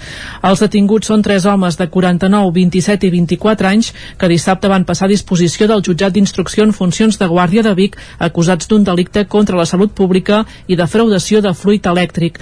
Les detencions són el resultat d'una investigació conjunta entre els Mossos i la policia local de Manlleu que ja va començar el passat mes de setembre després de tenir coneixement de la possible existència de plantacions de marihuana a naus del polígon La Font de Terrés de Manlleu. Els Mossos alerten de la violència creixent que genera al voltant del cultiu de marihuana. L'exconseller Josep Rull va presidir ahir l'acte que els avis i les àvies de la plaça Major de Vic van, fa, van fer per celebrar el quart aniversari de la seva creació. Durant l'acte, que va plegar un centenar de persones, membres del grup van demanar fermesa en el compliment de l'1 d'octubre i van retreure als partits sobiranistes la constant manca d'unitat. El 20 de febrer de 2018 va tenir lloc la primera acció dels avis i les àvies de la plaça Major de Vic, un grup sorgit per donar suport al mandat de l'1 d'octubre i en defensa dels polítics empresonats i a l'exili. Aquella primera acció, exceptuant els mesos de confinament, s'ha repetit cada dimarts coincidint amb el mercat setmanal a la plaça. I puntuals a les 11 ahir al matí, un centenar de persones es van concentrar a les portes de la Casa Comella per celebrar-ne el quart aniversari. Un acte que va presidir l'exconseller Josep Rull, que va recordar com des de la presó es van assabentar de l'existència d'aquest grup de suport. Josep És Rull. impressionant. Quan érem dins la presó eh, ens ho explicaven. Ens explicaven, mira què està passant a diversos llocs i ens van explicar que hi havia els avis de Reus i que hi havia els avis i les àvies de Vic i Vic sempre ha sigut com diguem-ne, com un epicentre de moltes coses i moltes coses importants per a nosaltres i ens arribaven sobretot reportatges fotogràfics i quedàvem al·lucinats no? de com voltaven per tota, per tota la ciutat de com es concentraven de la fermesa i la determinació i això des de la presó era mitja vida sense aquesta mobilització nosaltres no ho haguéssim resistit com finalment no ho, ho vam fer L'acte també va comptar amb la presència de Pilarín Vallès. L'exconseller precisament va explicar com d'important va ser pels presos polítics la figura de la ninotaire bigatana amb qui van coincidir a les sessions de conte contes de Lledoners, un espai on els presos podien estar amb els seus fills. Josep Rull. un cop al mes eh, els presos que tenien fills petits presos de tota mena, eh, els polítics els comuns. Eh, venia un contador de contes i un cop va venir la Pilarín i explicava els contes dibuixant al mateix temps. I els dibuixos eren increïbles, eren un bàlsam.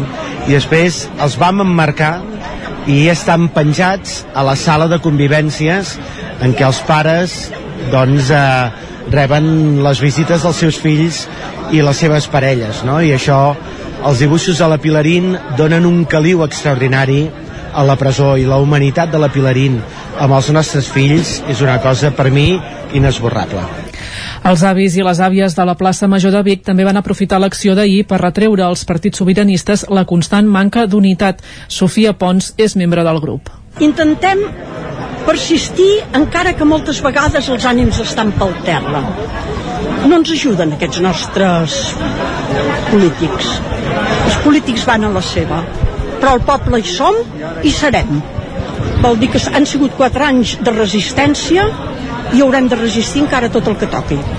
L'acte va acabar amb el cant dels segadors, una foto de grup i una esmorzar de coca amb llonganissa. El judici contra les 10 encausades per la ga- vaga del 8 de maig de, mil, de 2019 al Bages, entre les quals hi ha una noia del Moianès, s'ha posposat. S'havia de celebrar entre aquest dimarts i dimecres a Manresa i s'ha ajornat fins al mes de setembre, que era el campàs des d'Ona Codinenca. L'advocada de la defensa d'alerta solidària Eva Pous explicava els motius d'aquest ajornament. Bé, el judici s'ha suspès perquè hi havia una testimoni que estava malalta i no podia venir i per altra banda doncs, perquè hi havia tres de les eh, acusades que no havien pogut ser citades. Llavors, eh, com que no s'havien pogut ser citar, doncs finalment s'ha hagut de suspendre a l'espera de les noves citacions, però ja hem sortit amb una data de judici que és el 6, el 7 i el 8 de setembre. Ara s'ha més una nova ordre de busca i cerca per entregar ja la nova situació per al proper mes de setembre a les tres encausades absents. Les set acusades restants es van presentar al jutjat i van veure com aquest va quedar ajornat. Totes 10 s'enfronten a penes d'entre 1 i 3 anys de presó i a una multa conjunta de 23.000 euros. La Fiscalia les acusa d'un delicte de desordres públics, danys i atemptat contra l'autoritat. Les investigades van rebutjar el novembre passat un acord de conciliació amb la Fiscalia. Des del grup de suport hi era amb totes la portaveu Alba Gual explicava que demanen l'absolució d'aquest judici que qualifiquen de polític. Um, bé, a més que les penes directament trobem desproporcionat que s'hagi iniciat aquest procés judicial pel simple fet de em, emprendre accions i mobilitzar-se i estar organitzades en, en una vaga general feminista pel 8 de març. I és evident que estem parlant d'un judici polític amb l'únic objectiu de castigar i de fer por a totes les dones que, que s'organitzen. Les 10 encausades van rebre el suport d'una cinquantena de persones que es van concentrar a les portes del jutjat de Manresa. La concentració, convocada pel grup de suport i érem totes, havia organitzat també al llarg de tot el matí diverses activitats i música a les portes del jutjat que finalment es van suspendre per l'ajornament del judici.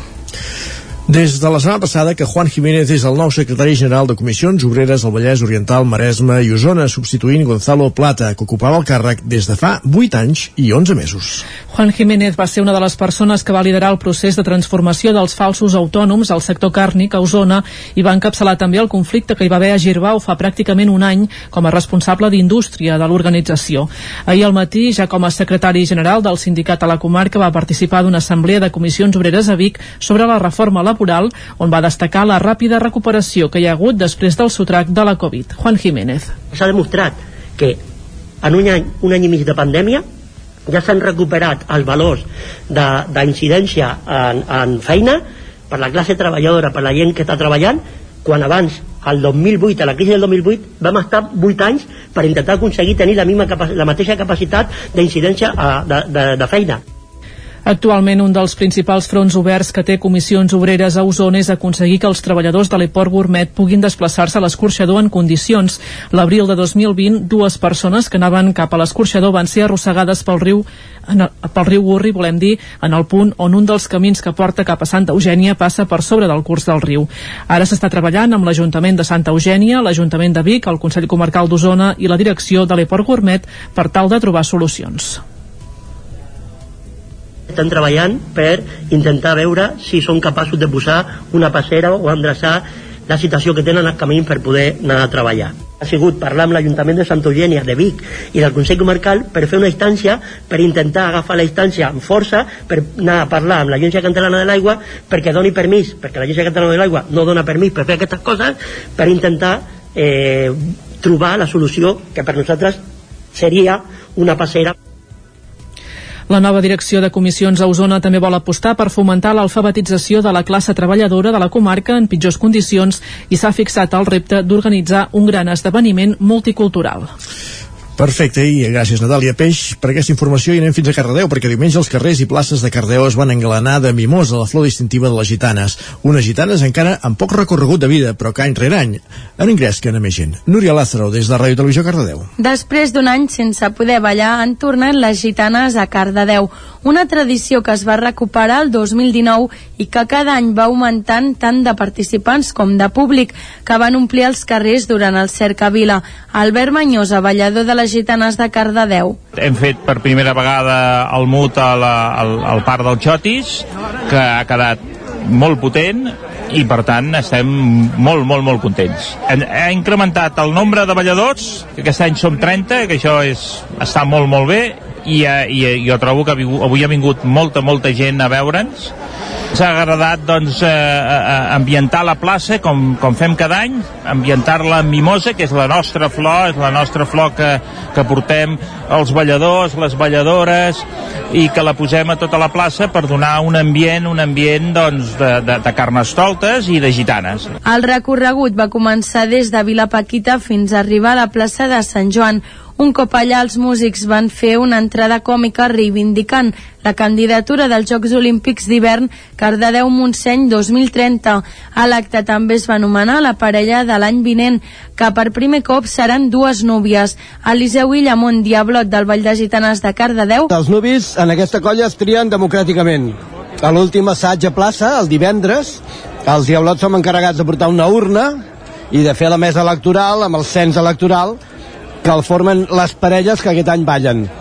I totes les parelles balladores poden triar una de les parelles com a nuvis de l'any següent. A l'acabar la ballada es van repartir refrigeris per a tothom, aprofitant el bon matí per poder seguir la festa, que segur que l'any vinent ens sorprendrà amb alguna novetat.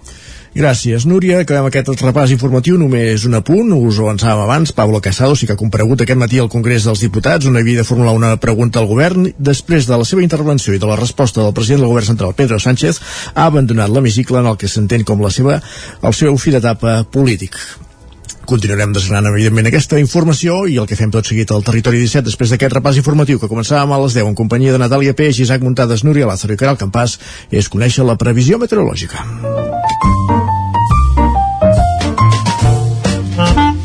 Casa Terradellos us ofereix el temps. Una previsió meteorològica que com cada dia ens acosta en Pep Acosta. Bon dia, Pep. Hola, bon dia. Uh, repetint temps. Uh, hi ha una falca anticiclònica potent sobre nostra. Les temperatures mínimes no són molt baixes, només glaçades puntuals als llocs més freds de les nostres comarques. La majoria de, de, de temperatures mínimes entre els 3 i els 7 graus, no, no molt de fred. Uh, molt de sol, molt de sol, i temperatures màximes molt semblants a les d'ahir. La majoria de valors entre els 15, 18, 19 graus a tot estirar. Mm, anticicló, que domina tota l'Europa occidental i que també ens domina a nosaltres. I és que mm, semblava que s'acostava un petit front al cap de setmana, però s'estava apurant, s'estava apurant literalment, i sembla que no ens afectarà, que ens afectarà poquíssim. Mm, Per tant, males notícies, eh? el que ens havia d'afectar una mica, doncs tampoc. Eh, és que ja ho dic, estem en aquesta ratxa que no, no, no hi ha manera que pogui i estem en una situació molt dolenta. Per sort, ahir vam poder apagar l'incendi de, del Cap de Creus cap a la zona Roses, 400 hectàrees, eh, sembla que ha afectat aquest foc, un foc important, molt important ja, per aquestes estat en les que estem bastant inusual, però bueno, és aquest dèficit d'aigua que tenim a tot el país i també tenim eh, aquest vent que hi bufava, que és un aliat del foc molt important i que fa d'anar al corcoll sens dubte els bombers quan hi ha un incendi. I això és tot. A disfrutar el dia d'avui, un dia anticiclònic, un dia poc fet al, a la nit, un dia de suavitat de dia i de molt, molt de sol. Anticicló, anticicló i anticicló. Moltes gràcies, fins demà, adeu. Fins demà, Pep, moltes gràcies a tu i demà tornem a parlar del temps. Continuem al Territori 17, anem cap a l'entrevista. Casa Tarradellas us ha ofert aquest espai. Territori 17. Envia'ns les teves notes de veu per WhatsApp al 646 079 023. 646 079 023. WhatsApp Territori 17.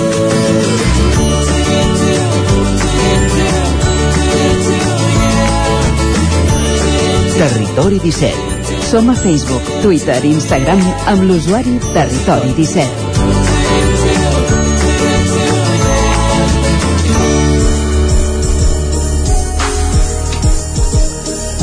Pràcticament 3 són els minuts que passen d'un quart d'onze del matí i tot seguit al territori 17 el que fem és parlar del Trufòrum, la festa de la tòfona i la gastronomia que tindrà lloc a Vic entre divendres i diumenge d'aquest cap de setmana a l'edifici El Sucre. Per parlar-ne de les moltes activitats que s'hi fan, de les ponències, de les presentacions, de les demostracions de cuina, del mercat amb tòfona fresca, tenim a l'altra banda del fil telefònic a Daniel Olià, que és el director del Trufòrum 2022 i tècnic del Centre de Ciència i Tecnologia Forestal de Catalunya. Bon dia. Daniel Uriac. Hola, bon dia. Tot a punt per aquesta nova edició del Trufòrum? Sí, la veritat és que ho tenim ja tot a punt, amb moltes ganes, després de que la darrera edició l'any passat no ho vam poder fer degut a, a la situació sanitària que, que estem vivint. Aquest any és possible i, per tant, doncs, tothom amb moltes ganes de que tot surti bé, de que vagi tot bé i poder donar a conèixer aquest producte tan, tan important del nostre, del nostre territori, que té una importància a nivell a nivell de producció, però també al voltant de la nostra gastronomia, del turisme i de, i de tantes coses positives que ens aporta aquest, aquest producte. Mm -hmm. Anem a PAMS, parlarem de, del Congrés, però també abans parlem del producte, parlem de, de la tòfona. Abans que res, aquest any és bo per la tòfona? Se n'estan cultivant de, de silvestres o com, com està anant la temporada? Sí, Sí, a nivell de la tòfona silvestre, malauradament tenim un problema que és el tema climàtic, el clima. Eh? Però és que ja no és un, que no ens plogui durant l'estiu, que és el que normalment ens provoca que, que, que ens perjudiqui una mala producció a nivell de tòfona silvestre, és que fins i tot durant l'hivern estem patint la sequera, no? com, com ara estàveu comentant, doncs, que ja, fins i tot tenim incendis forestals. No? Uh -huh. Llavors, a nivell de silvestre ha sigut una temporada dolentíssima, molt dolenta, i sort n'hem tingut de tota aquesta feina que hem estat fent durant aquests darrers 20, 20-25 anys des de diferents institucions, sobretot des del Centre de Ciència i Tecnologia Forestal de Catalunya, des del Departament, també d'Acció Climàtica, per donar a conèixer, per desenvolupar el que seria el conreu de la tòfona. Llavors, gràcies al conreu, que al conreu tens la possibilitat de- d'implementar sistemes de rec, doncs podríem dir que hem salvat la temporada. Eh? Podríem, podríem dir bàsicament que, que arribarem a les 3 tonelades de tòfona, uh -huh. procedent de conreu, i això ens permet que puguem continuar dient, dient que som un país de tòfona, d'acord? Perquè si no fos pel conreu, doncs avui dia podríem dir que desapareixeríem del mapa. Posem-hi xifres a això que ens estava explicant ara Daniel Oliac. Eh, com deies, eh, aquesta temporada, la 21-22, estem parlant de 3.250 quilos de, de tòfona de, de cultiu. Estem parlant del 92% de la que s'ha produït a Catalunya, perquè només el 8% és silvestre. I també una altra dada rellevant és que eh, l'any 2020 es van registrar 905 noves explotacions dedicades al conreu de tòfona, una mica seguint aquesta política que dèieu dels darrers 20 anys, oi? Sí, sí, eh, és, és, un, és un granet de, de sorra, eh? és a dir, poquet a poquet eh, la gent va coneixent eh, la possibilitat de poder conreuar la tòfona i sobretot en zones de mitja muntanya, eh, que sigui tot el per Pirineu, serralada per el litoral, d'acord, que s'està desenvolupant aquest conreu. Llavors, des del departament s'ha fet també molt de feina per, per ajudar aquestes explotacions, sobretot perquè l'inici és costós, perquè la producció no és immediata, no, no, no és com plantar un, un cereal, d'acord? Hem de plantar, ho hem de cuidar, ho hem de cultivar durant un temps per caure les primeres tòfones. A més requereix una certa inversió inicial, sobretot amb el tema del rec. Uh -huh. Llavors, a- aquest any és un any molt dolent climàticament, per tant la producció silvestre representa pues, eh, ni el 10% de la producció total. Llavors, amb conreu, doncs, pots fer unes aportacions d'aigua que et permeten obtenir les tòfones i a més obtenir un producte de molt bona qualitat. Uh, inicialment sempre hi havia reticències, sobretot des del món gastronòmic, a considerar que la tòfona de cultiu no era tan bona com la silvestre. S'han igualat els nivells o, o, ja no, o, o ja no hi ha tanta reticència? No, no hi ha reticències, eh? És a dir, amb tòfona de conreu també es troba un producte molt, molt bo, de molt bona qualitat. Sí que és veritat que a nivell silvestre, eh, quan fèiem molts quilos de tòfona i, i arreu del país, teníem moltes condicions ecològiques diferents, d'acord? Llavors podíem obtenir un, unes tòfones a segons quines zones de moltíssima qualitat, per dir-ho d'alguna manera, podien, treure, podien arribar a treure un 10, però amb, amb el conreu normalment sempre estàs amb el notable, tranquil·lament, i molts cops amb excel·lent, val? i la veritat és que no hi ha, no hi ha diferències pràcticament eh, entre una tòfona i l'altra. Parlem una mica de, del Congrés, de la Fira, que, es, que acollirà l'edifici El Sucre di, a partir de divendres. Eh, hi ha moltes novetats, hi ha molts noms propis. Una mica com heu estructurat aquest Trufòrum 2022? Sí, bàsicament, com a novetat, sí que m'agradaria destacar l'Acadèmia de la Tòfona. Llavors, és un esdeveniment que farem el divendres, que està enfocat a joves cuiners d'escoles d'hoteleria, i que vindran uns 200 alumnes en total d'arreu de, de, de Catalunya a diferents escoles. L'objectiu de l'acadèmia és donar a conèixer el producte, el podran tocar, el podran olorar, el que és la tòfona negra, les diferents qualitats que, que hi ha respecte a la tòfona negra, i després també se'ls hi faran tallers de cuina, eh? en aquest cas el, el Quico Aromí, el cuiner del, del, del restaurant del Nando Jubany, els hi farà una demostració pràctica. La idea és que coneguin el producte, perquè és molt important desconeixem el producte. No solament a nivell de, de, del consumidor final, fins i tot de, a nivell de restauració, d'acord? Tot i que tenim molt potencial gastronòmic i molts restaurants que, que, que el coneixen i, el, i la toquen molt bé. Llavors, és un aspecte que creiem que és molt, molt important, és fonamental, que és la formació, formació als joves cuiners. Després tindrem el que seria el mercat, el mercat de la tòfona, que la gent podrà trobar tòfona en fresc, seleccionada, eh, fins i tot fem portar un tècnic francès que classifique totes les tòfones que ens passaran pel mercat, és a dir, mm, tota la tòfona que entrarà al mercat serà tòfona de qualitat, eh, producte de màxima qualitat i que tothom podrà accedir-hi per poder comprar tòfona. Tindrem associacions d'arreu de, de l'Estat, un total de, de nou associacions de productors de tòfona.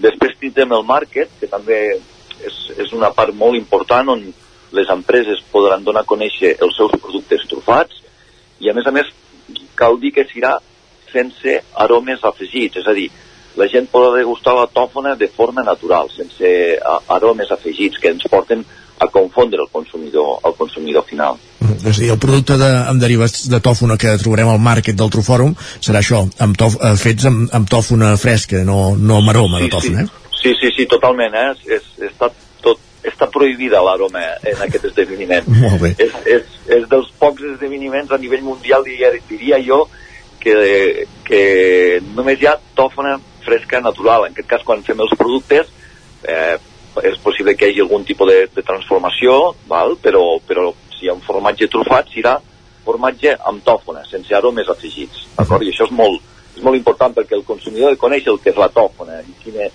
quin és el seu sabor, quin és la seva aroma, d'acord? I que no hi hagi confusions en, en aquest sentit. I sempre estem parlant de tòfona negra, eh? de tuber melanosporum, la tòfona que produïm ara a l'hivern. Molt bé.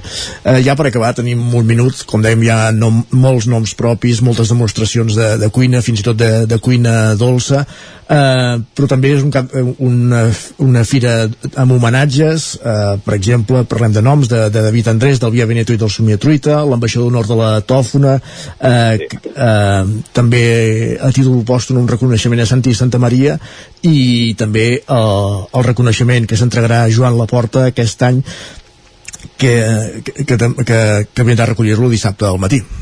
Sí, sí, la idea, la idea és donar un, un reconeixement a persones que estan vinculades al, al, al món de la tòfona i amb quin objectiu? Doncs, doncs donar a conèixer el producte a nivell gastronòmic, però també al públic en general. Per això les dues figures, eh? l'ambaixador de, la, de la tòfona, el David Andrés, i a títol pòstum a- al Santi Santa Maria, són persones reconegudes, han estat persones reconegudes també a nivell del, del Santi, i després, molt important també perquè hem d'arribar al públic en general, i per això jo crec que el, el paper, des de l'organització paper de, de persones com el Joan Laporta, ens poden ajudar molt a donar a conèixer el, el, El producte.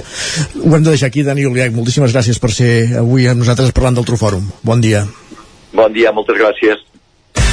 El nou FM, la ràdio de casa, al 92.8.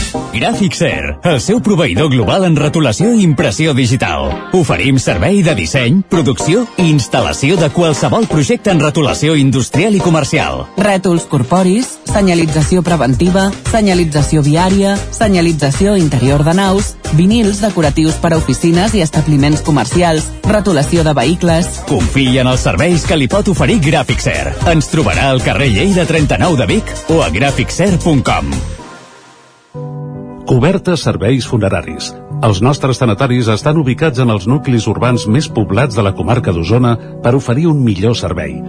Tanatori de Vic, Tanatori de Manlleu, Tanatori de Centelles i Tanatori de Roda de Ter. Sabem que són moments difícils i per això el nostre compromís és atendre-us en tot moment amb un tracte humà, sensible i respectuós. Cobertes serveis funeraris.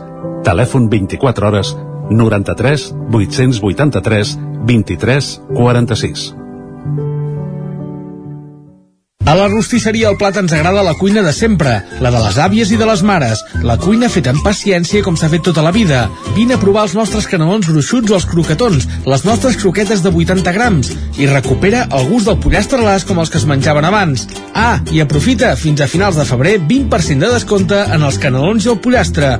Rostisseria El Plat, encàrrecs fins a les 12 del migdia i servei a domicili. Ens trobaràs de dijous a diumenge al carrer Església número 6 de Taradell o al 93 135 58 85.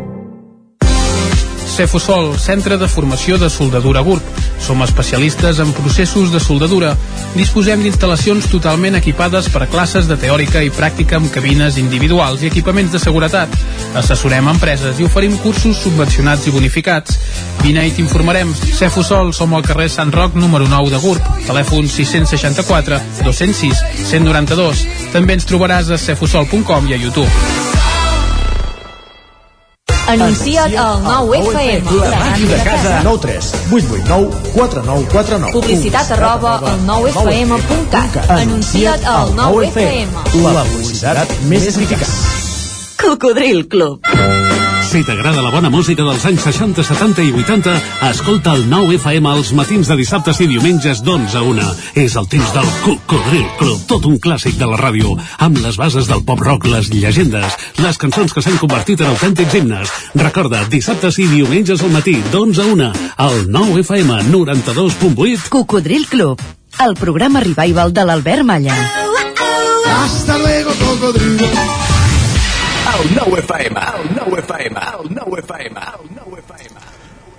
En punt, dos quarts d'onze al territori 17.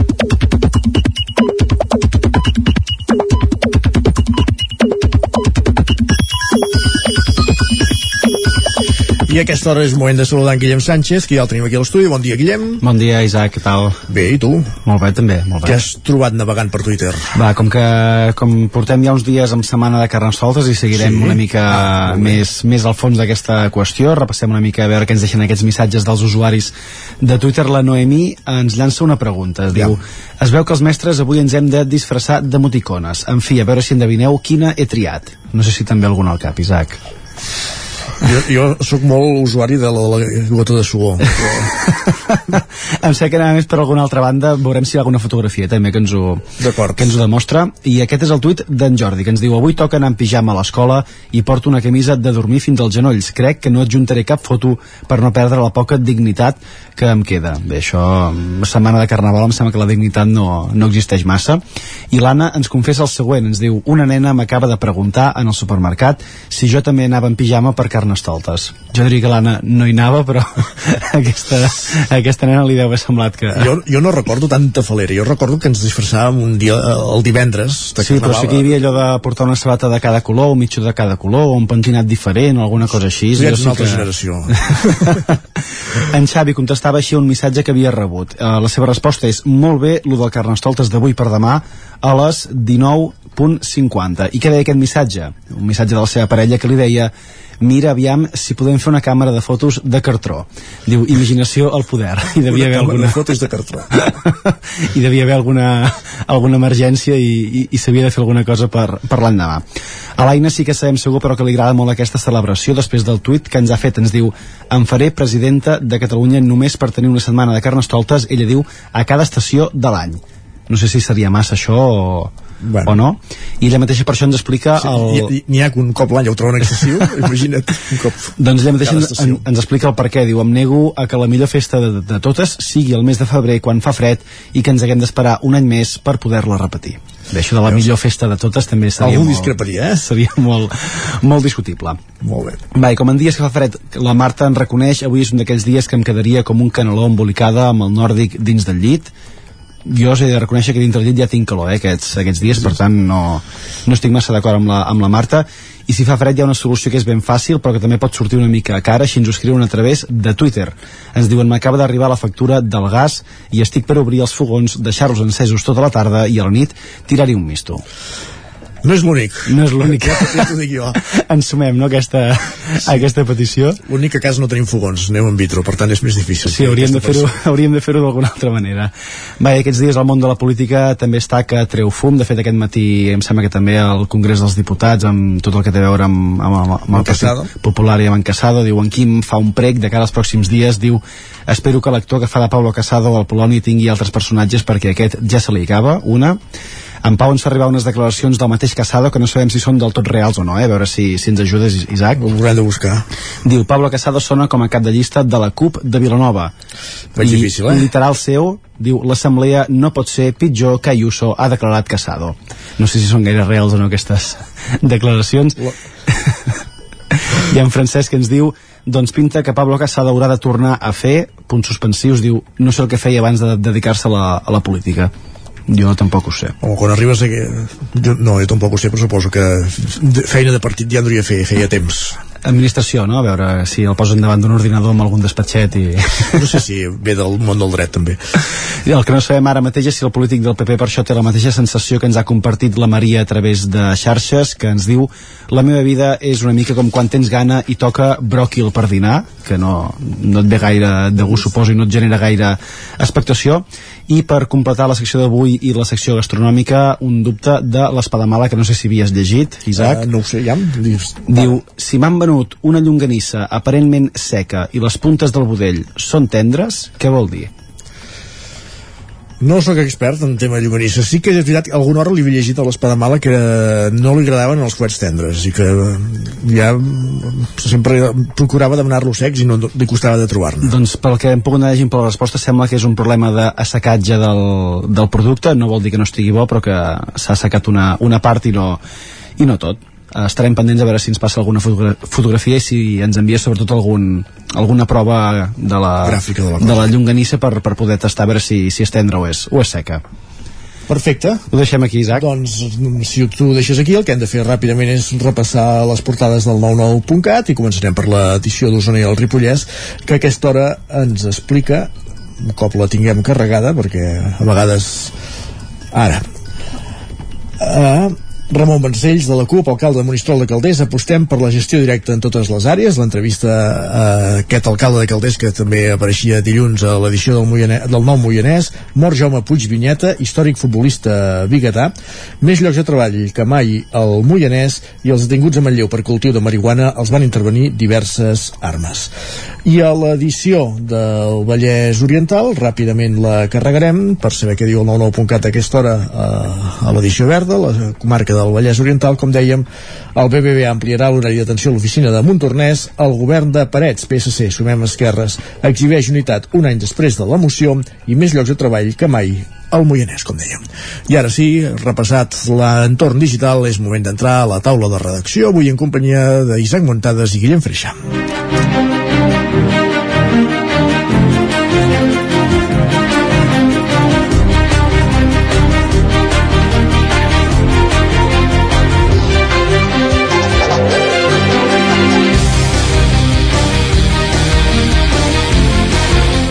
I comencem a la taula de redacció, com dèiem, en companyia de l'Isaac Muntades, per parlar d'aquest pla socioeconòmic que es presentava divendres a Ripoll amb l'objectiu de recuperar els 30.000 habitants de la comarca, ara mateix són poc, uns 25.500 aproximadament, l'any 2030. Per tant, deures per fer el Ripollès, Isaac Muntades.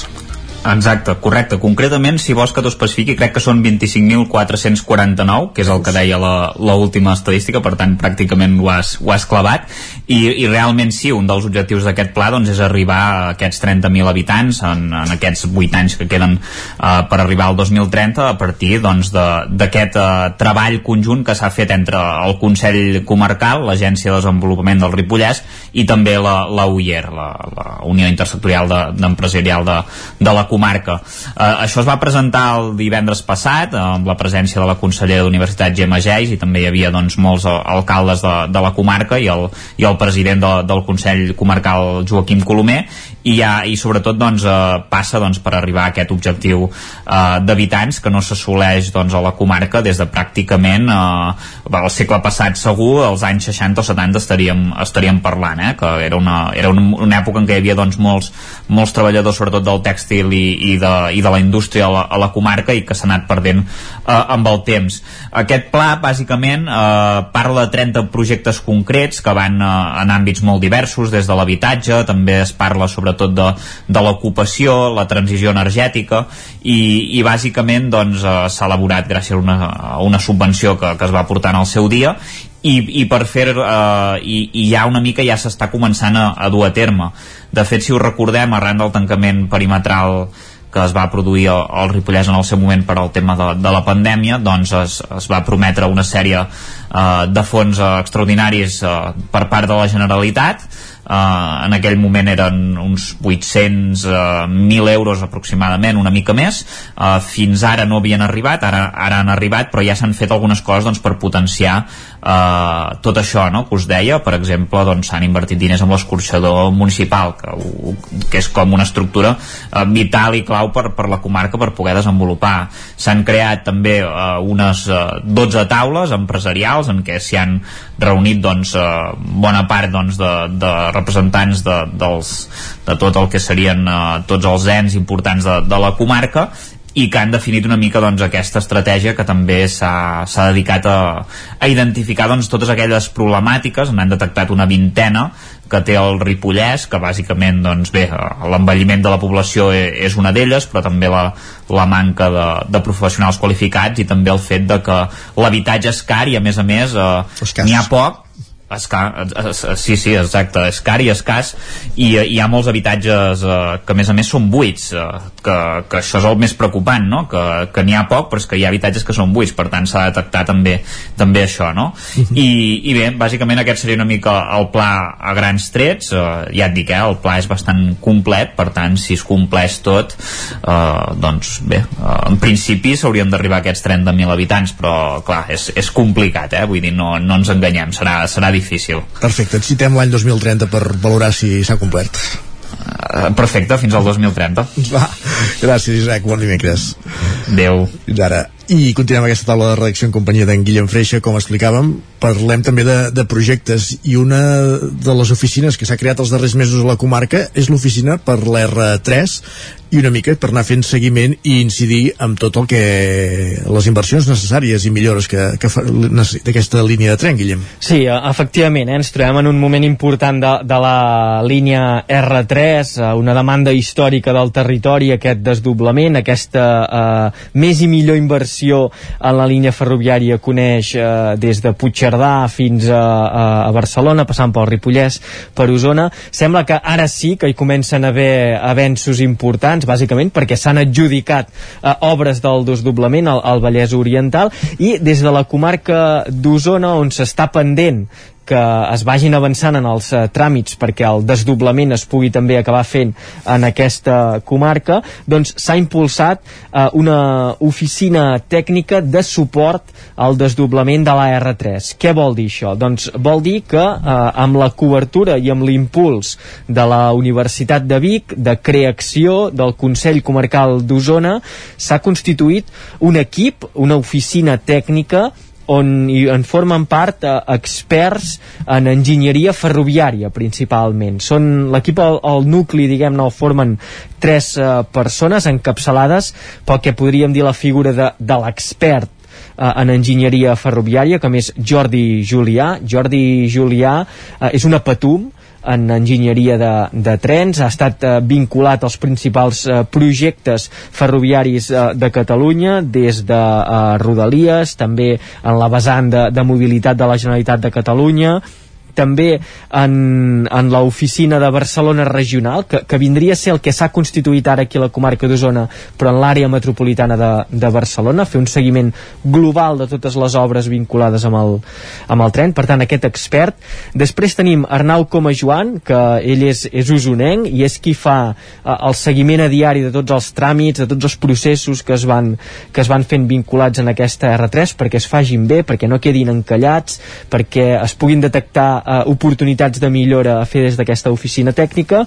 I per últim, també tenim l'aportació de Jordi Tordera, ell és enginyer municipal de Vic i s'encarrega de fer la supervisió global de la feina que es va fent des d'aquesta oficina tècnica en el sentit que és una oficina de llarg recorregut que s'haurà de, de mantenir activa en el temps i la figura de Jordi Tordera que és enginyer municipal de Vic, doncs ha de servir això, eh? de ser el fil conductor per si hi ha canvis, per si tornen a sortir eh, projectes que ja s'han treballat, doncs detectar-ho i que es vagi eh, avançant. Um, a nivell teòric la idea és aquesta, eh? fer una supervisió, ser el curcó perquè el desdoblament de la línia R3 vagi uh, avançant. Uh, i ho exemplificaven d'una manera uh, concreta. Ells el que, el que deien uh, era um, que aquest desdoblament no acabi sent posar una, una via al costat de l'altra via, que sigui alguna cosa més que això, poder fer aportacions per, uh, diguem, treure tot el suc en, aquesta, en aquest uh, desdoblament. Um, la part eh, teòrica és aquesta, la part pràctica, per exemple, ens, ens posaven un, un exemple i és que s'està treballant en el desdoblament parcial de, de la via a la sortida de l'estació de Vic, un tram de 1,1 quilòmetres eh, de llargada.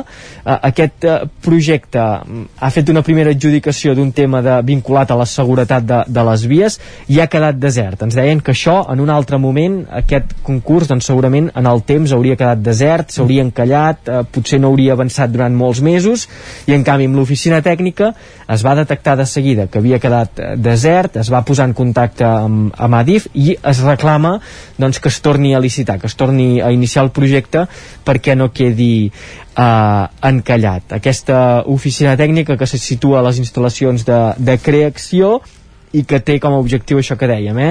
Uh, no només posar una via al costat de, de l'altra, que això es vagi fent, sinó pensar tot el que uh, s'ha de fer perquè el servei uh, sigui bo per la comarca, des de a on s'han de situar estacions, quines millores s'hi han de fer, a on s'han de posar aparcaments pels trens, perquè si augmenten les freqüències doncs hi haurà d'haver un espai per, perquè els trens uh, s'hi puguin quedar quan acabin un, un trajecte, tota aquesta, tota aquesta vessant. I des de l'oficina tècnica també per acabar eh, s'apunta aquest optimisme moderat en el desdoblament de l'R3, que això és important, eh? eh venint de, del que venint... Però sí que faran aquesta feina de corcó moltes vegades tan necessària, no?, perquè, sí. pugui, perquè vagi, arribin a bon port els projectes. Una feina que ha fet la ciutadania en, en molts casos en, en els últims anys, principalment des de uh, col·lectius com Per què no ens fotin el tren, uh, que ha sigut brutal la feina que han fet de seguiment, d'insistir, de detectar mancances i de reclamar millores, i ara s'hi afegeix uh, aquesta vessant tècnica tècnica, o sigui, gent que són enginyers, que eh, tenen aquesta sensibilitat i aquest coneixement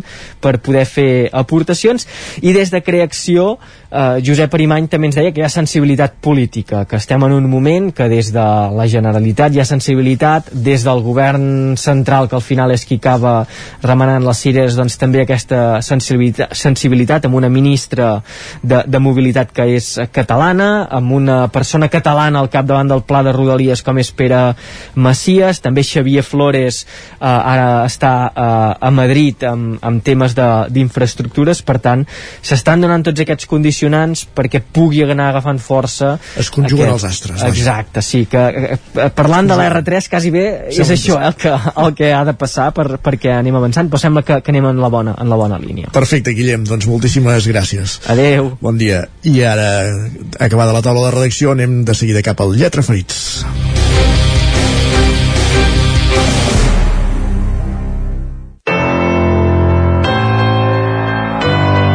Territori, Territori 17. 17. Territori 17.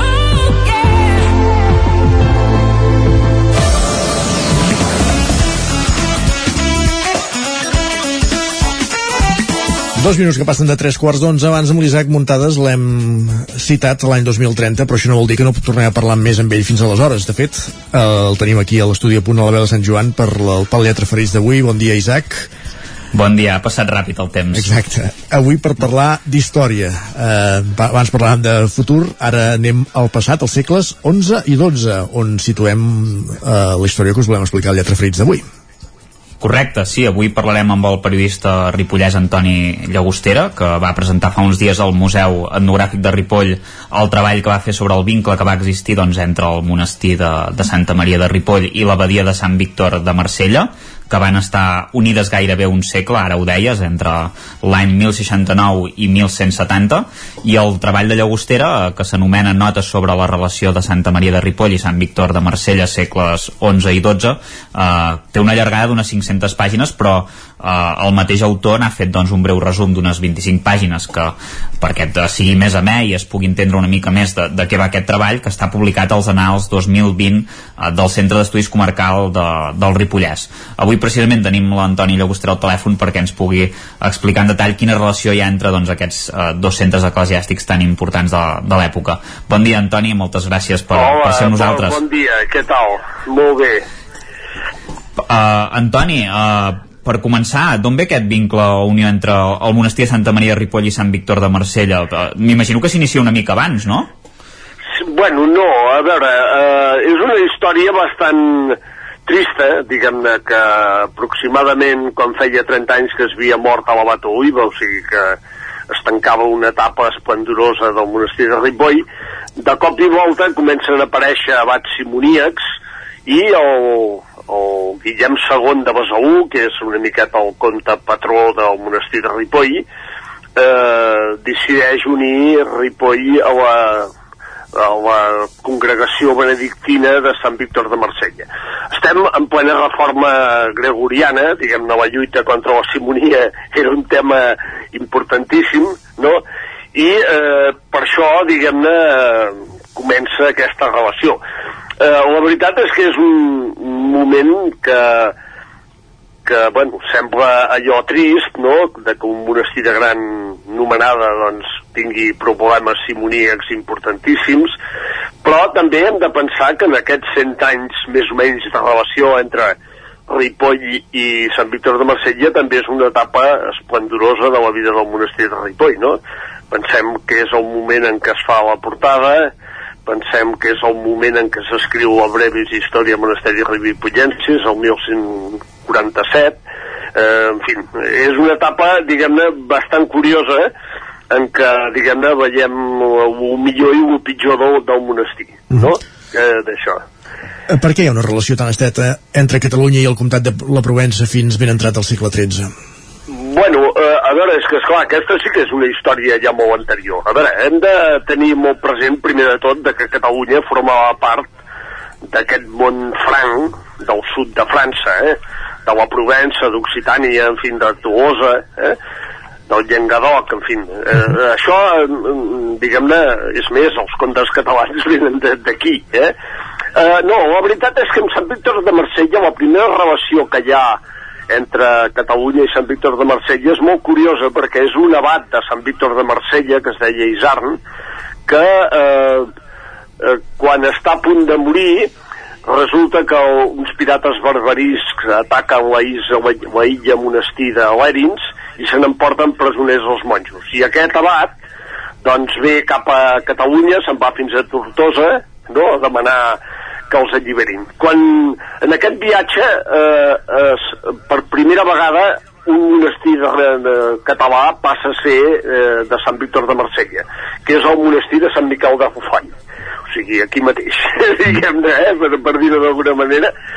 Doncs, o sigui, que com veus, aquesta és una relació, diguem-ne, històrica, però que a més van passant coses. Bueno, després, esclar, després ja hi ha un moment més mm, important, que és el casament del Ramon Berenguer III amb Dolça de Provença, la filla l'hereva de la comtesa del comtat de Provença, on eh, precisament hi havia el monestir de Sant Víctor de Marsella, no? i a partir d'aquí, bueno, la relació va durar eh, molts anys. Mm, Podem, més o menys, tenim que anar cap a mitats del segle XIII per quan es trenca una miqueta aquest lligam entre Ripoll i la Provença, diguem-ne. Mhm. En el teu text, Antoni, eh, expliques que sembla que, que es pot donar per fet que els abats de Ripoll, doncs en el seu moment, per aquesta relació que tu explicaves, doncs eren escollits per la congregació monàstica de Sant Víctor de Marsella, no? no això, això influïa d'alguna manera en el dia a dia del Bueno, monestir? eh, Com- a com- veure, és que aquest és un, una de les coses que jo em vaig quedar molt sobtat quan vaig començar a recollir tota la documentació. I és de que aquesta unió entre Ripoll i Sant Víctor de Marsella, que sempre ho havíem explicada així, no? que va estar durant 100 anys unit a la congregació claustral a la congregació benedictina de Sant Víctor de Marsella, doncs no és tan així. Per què? Perquè eh, quan hi ha el primer abat marsellès, que és el Bernat, el 1097, demana eh, al papa de Roma que li dongui una, un reconeixement de les butlles i dels privilegis que tenia el monestir. Per cert, privilegis que el conde de Besalú es havia passat pel forro quan va lliurar Ripoll a Marsella. Per què? Perquè eh, eh, Ripoll, eh, a veure, tenia eh, el privilegi de lliure elecció de- d'abat, ja per, mm, per un, mm, diguem-ne, precepte carolingi, tenia diverses butlles papals que feien que Ripoll depenia directament de, de, de Roma, de la Santa Seu, eh? com Cliní, com Sant Guirau d'Orbac, en fi, diversos monestirs tenien aquests privilegis. Doncs el que és més curiós és que aquesta butlla del 1097, recaptada per un abat marsellès de Ripoll, en cap moment del text de la butlla es parla de Sant Víctor de Marsella. I a partir de, de començaments ja del segle XII, el que passa és que moltes vegades el Sant Pare mana directament sobre Ripoll. A pesar de que a vegades els abats eh, són, són marcellesos, però eh, és bastant curiós de que hi ha molta documentació de Sant Víctor de Marsella on, a pesar de que hi ha altres monestirs catalans que es mencionen perquè estaven subjectes a, també a Sant Víctor, com Cuixà, Banyoles, eh, en fi, Canigó, la Grassa, per exemple, el Montmajor, doncs, per exemple, no apareix mai Ripoll. I, és clar, això indica que més o menys aquesta relació que sempre havíem donat per feta, doncs no va ser de la manera que ens imaginàvem, sinó que va tindre molts alts i baixos, i sobretot hi ha un, un abat molt interessant que es diu Pere Ramon, que és l'únic que almenys no, no diuen que fos gal, o sigui, que no era, no, no era francès. Eh? Uh -huh. I aquest, el Pere Ramon, va ser un dels grans abats de l'època, va ser abat de Ripoll des del 1125 fins al 1154, en crec, si no recordo malament. O sigui que, com veus, aquesta història que fins ara havíem explicat linealment, no? Doncs no, no ho és tant. Eh? és molt més complicada, molt més eh, difícil de seguir, no? Perquè, bueno, eh, per exemple, eh, hem de tenir molt present que quan a Ripoll s'escriu a Brevis Història Monasteri Rivipollensis, el 1147, que és la història del monestir de Ripoll, tampoc en cap moment es menciona que estan subjectes a Sant Víctor de Marsella, no? O sigui, que com es veu, diguem-ne, la separació que serà el 1171, 70-71, ja es cuia, bueno, ja s'estava coent bastant abans, eh? Perquè, bueno, hi ha situacions que si no, no les acabes d'entendre, eh? Mm -hmm. Ah, Antoni, has parlat de la, de la bulla papal, he entès de, del 1097, si no estic equivocat. Sí, uh, sí. Uh, N'hi ha un altre per això del papa Urbà II, uh, el 96, oi? Uh, uh, per a Ripoll? Sí, si, exacte, si, què diu sí, aquesta però, butlla?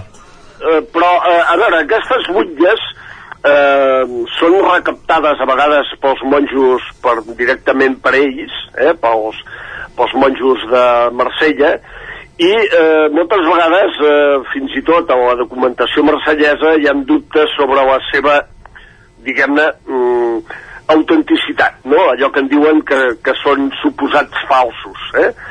Però, bueno, eh, el, el que és molt important d'aquestes butlles és que per primera vegada, eh, diguem-ne, el que es fa és tornar a recordar que Ripoll, primer, té la lliure eh, elecció de l'abat. Segon, no pot ser controlat pel bisbe de Vic, el bisbe territorial. I tercera, que depèn directament de la Santa Seu. No? Són els tres elements que aquestes butlles, quasi sempre les butlles de Ripoll, eh, diguem-ne, eh, posen sobre la taula i que, curiosament, en el 1169, quan el comte de Besalú ho uneix a Sant Víctor de Marsella, en el fons, per dir-ho d'alguna manera, s'assalta totes aquestes normes que tenia el monestir de Ripoll i que tenia reconegudes, ja t'ho dic, per preceptes carolingis i per butlles papals, no una, sinó vàries, eh? Uh -huh. Ja hi havia hagut la dels, a veure, la del papa Gapet, hi havia hagut la del Sergi IV, o sigui, etc etc. O sigui, com veus, la cosa és molt complicada de seguir tota aquesta documentació uh -huh. i donar-te en compte de que després hi ha moltes disfuncions, no? O sigui, dades que no concorden unes amb les altres i que eh, a mi em fan sospitar que aquesta unió que fins ara havíem explicat tan senzillament doncs eh, no, eh, no va ser tan senzilla eh? perquè de fet la congregació marsellesa també entra en crisi en algun moment, no? Sí, bueno, eh, eh, és una miqueta això. Eh, el que és més curiós és de que Ripoll s'allibera no perquè els, els comtats catalans, bueno, a Nisaga de Comtal de Barcelona deixi de continuar present a, a Marsella, eh, a, a, a, o a Provença. Duren encara 100 anys més les relacions, no? I en canvi, eh, el que fa eh, en, a Ripoll, el 1970, s'independitza amb, el, amb un abat que, de casa, el Ramon de Berga, i eh, bueno, eh, d'aquesta manera diguem-ne es trenquen aquests lligams amb Sant Víctor de Marsella evidentment Sant Víctor de Marsella quan en aquest mitat del segle XII té aquesta crisi quan acaba torna a intentar de que el monestir de Ripoll eh, passi a, a dependre de d'ells però no ho aconsegueixen eh? o sigui, el, a pesar de que hi ha reiterats intents perquè, és clar hem de pensar que Sant Víctor de Marsella, i això potser és poc conegut, és un dels grans monestirs europeus. Eh? Segurament és el quart o cinquè monestir que existeix a Catalunya en el segle V. Eh? Uh -huh.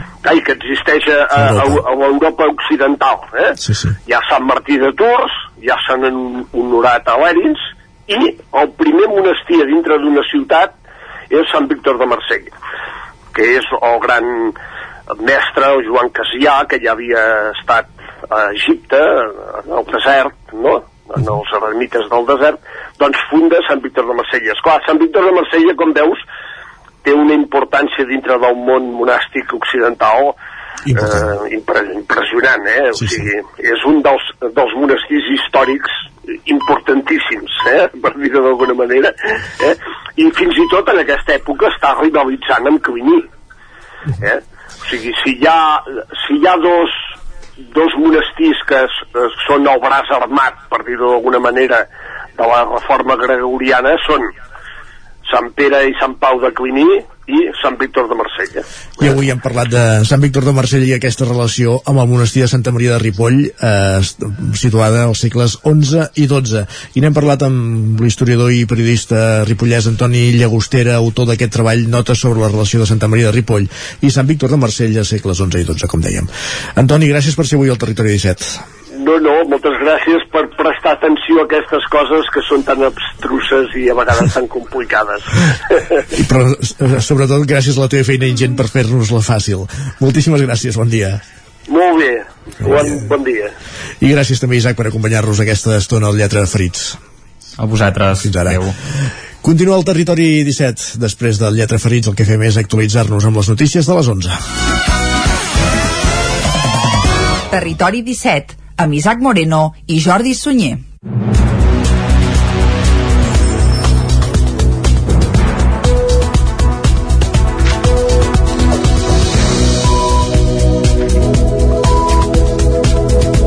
Per explicar-vos aquesta hora que els bombers rescaten una dona que no podia sortir d'un canal de Ripoll després d'haver baixat a salvar el seu gos que de morir ofegat. Isaac Muntades, des de la veu de Sant Joan.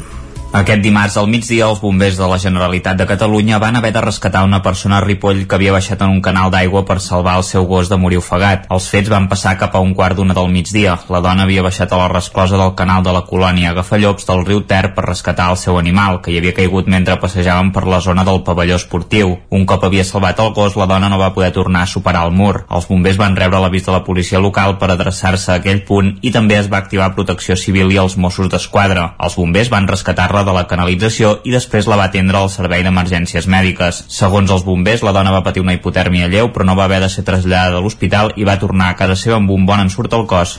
L'Ateneu Popular del Moianès, la Polseguera, enceta la campanya L'Ateneu es queda al poble per afrontar el judici pel seu desallotjament el pròxim 4 de març. Caral Campàs, des d'Ona Codinenca.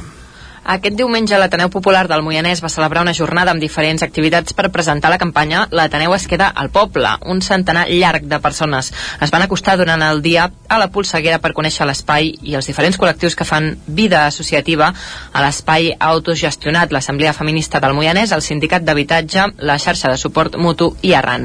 El pròxim 4 de març a Manresa es celebrarà el judici, ajornat ara fa 15 dies, per tractar la demanda de desallotjament que ha sol·licitat la propietat. Tot tot i això, la Martina explica que estan pendents d'una taula de negociació amb la propietat Alfons Voltor Blackstone i la immobiliària Eliseda vinculada al Banc Santander.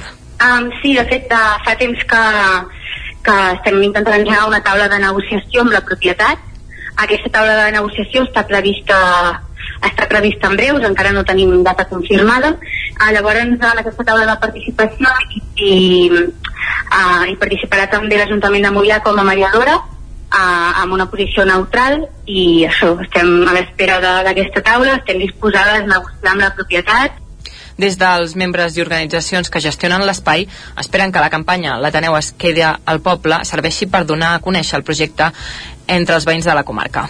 Uh, doncs aquesta barrera a poc a poc es va trencant i a la que es, que es comença a acostar gent externa um, ja bueno, és evident com que, que ja no hi ha aquesta barrera tan, tan, tan marcada no? llavors ahir potser va ser com dels actes que, que es va apropar més gent externa encara que no tota la que, la que ens agradaria Uh -huh. però bueno, és un pas, a poc a poc és una mica també el nostre objectiu, no? Mm, com visibilitzar que, que, que l'Ateneu és de totes, és del poble. L'edifici de l'Ateneu va ser ocupat l'abril de l'any passat. En aquell moment es trobava abandonat i a mig construir, ja que havia quedat a mig fer quan va explotar la bombolla immobiliària del 2008. Més qüestions. Eva Font, l'actual regidora de Cultura i Mitjans de Comunicació de l'Ajuntament de Manlleu, ha estat escollida com a candidata d'Esquerra a l'alcaldia a les eleccions municipals del 2023. Font, la primera dona que encapçalarà la llista dels republicans, aspira també a convertir-se en la primera alcaldessa de Manlleu. Agafa el relleu d'Àlex Garrido, alcalde des de 2015, que quan arribi, acabi aquest mandat tancarà una trajectòria de 12 anys a l'Ajuntament Guillem Sánchez. La candidatura d'Eva Font era l'única que es presentava al Congrés d'Esquerra Republicana a Manlleu per escollir qui encapçalarà la llista a les eleccions municipals del maig de l'any vinent. L'actual regidora de Cultura i Mitjans de Comunicació va obtenir el suport unànime dels militants que hi van participar. Vinculada des de fa una dècada a la secció local d'Esquerra i regidora des del 2019, Eva Font ha fet el pas de postular-se amb la voluntat de portar una visió femenina i feminista. Fins ara cap dona havia ocupat la primera posició a la llista d'Esquerra a Manlleu. Escoltem a Eva Font. Amb moltes ganes, uh, tal com he dit en el discurs, uh, penso que és molt important que les dones hi siguem, que hi hem de ser i va arribar aquest punt, no?, de dir he de fer un pas endavant perquè si vull que hi siguem però, però jo no hi sóc i, i entre que l'Àlex eh, ja havia dit que no renovava doncs va ser el moment seguir treballant per Manlleu per fer projectes grans però sobretot fer-ho des d'aquesta part d'equip de, de ser molt visibles, de ser molt propers i molt pròxims a la ciutadania. Fons s'està formant en lideratge feminista per a la gestió de polítiques en perspectiva de gènere. Professionalment es dedica al disseny gràfic i està vinculada al món associatiu de Manlleu. Agafarà el relleu d'Àlex Garrido, alcalde de Manlleu, des del 2015 i que ja havia sigut regidor en l'últim govern de Pere Prat. Garrido té clar que deixarà del tot l'Ajuntament quan acabi aquest mandat. Penso que hem trobat una molt bona candidata, eh, una persona doncs, que, que està treballant molt bé a l'Ajuntament eh, en les seves àrees de, de responsabilitat per mi és un orgull ser l'alcalde de, de Manlleu i queden pocs mesos, eh, una mica més d'un any i ho farem amb la il·lusió de sempre no? i sobretot el que comentava abans hi ha projectes que hem d'acabar que ens fa molta il·lusió que culminin un cop escollida la candidata a la secció local començarà a treballar en la definició del projecte electoral d'Esquerra i en la configuració de la llista de la qual Eva Font no va voler avançar cap possible nom. L'exconseller Josep Rull va presidir ahir l'acte que els avis i les àvies de la plaça Major de Vic van fer per celebrar el quart aniversari de la seva creació. Durant aquest acte, que va plegar un centenar de persones, membres del grup van demanar fermesa en el compliment del d'octubre i van retreure als partits sobiranistes la constant manca d'unitat.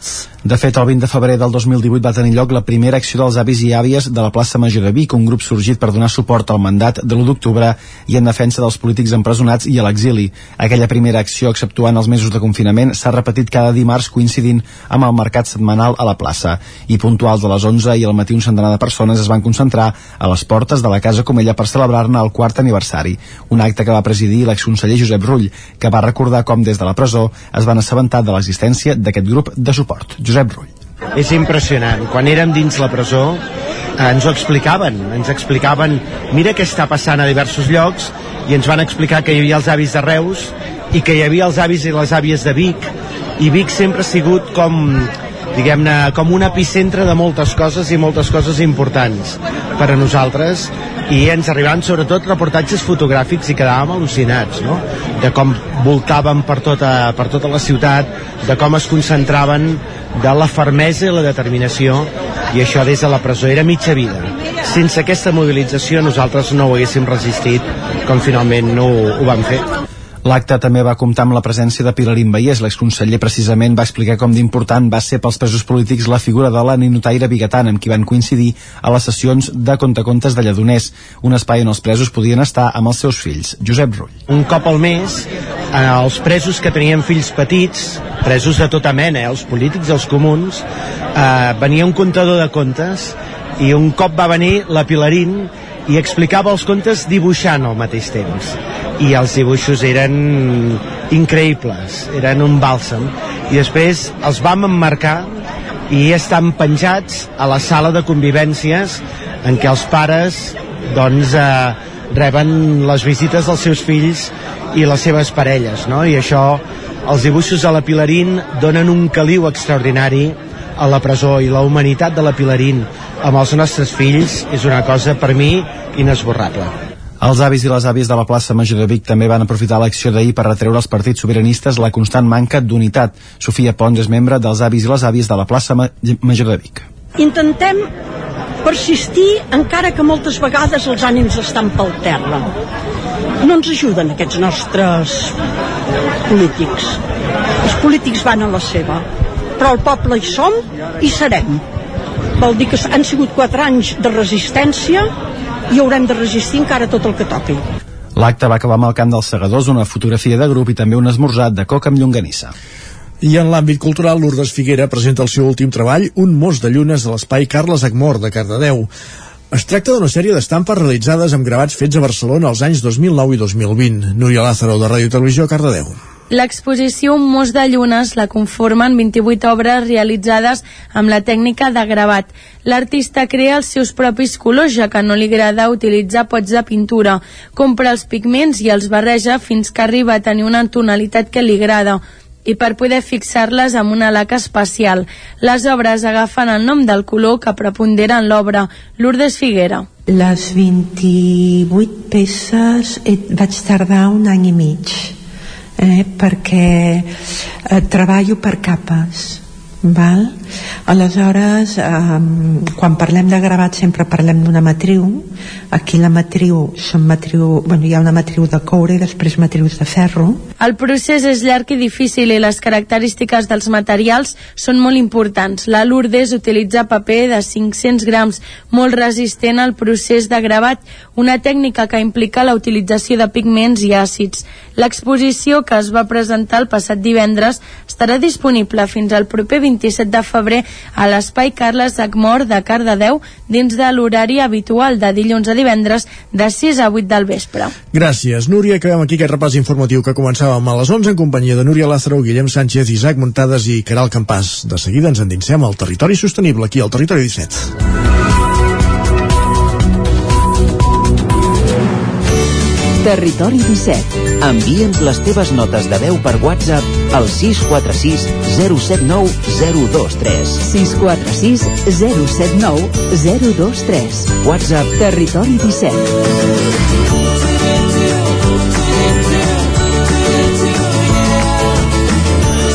Territori 17.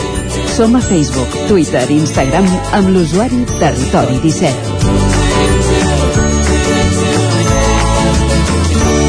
12 minuts clavats que passen de les 11 anem al territori sostenible ens hi esperen Jordi Givert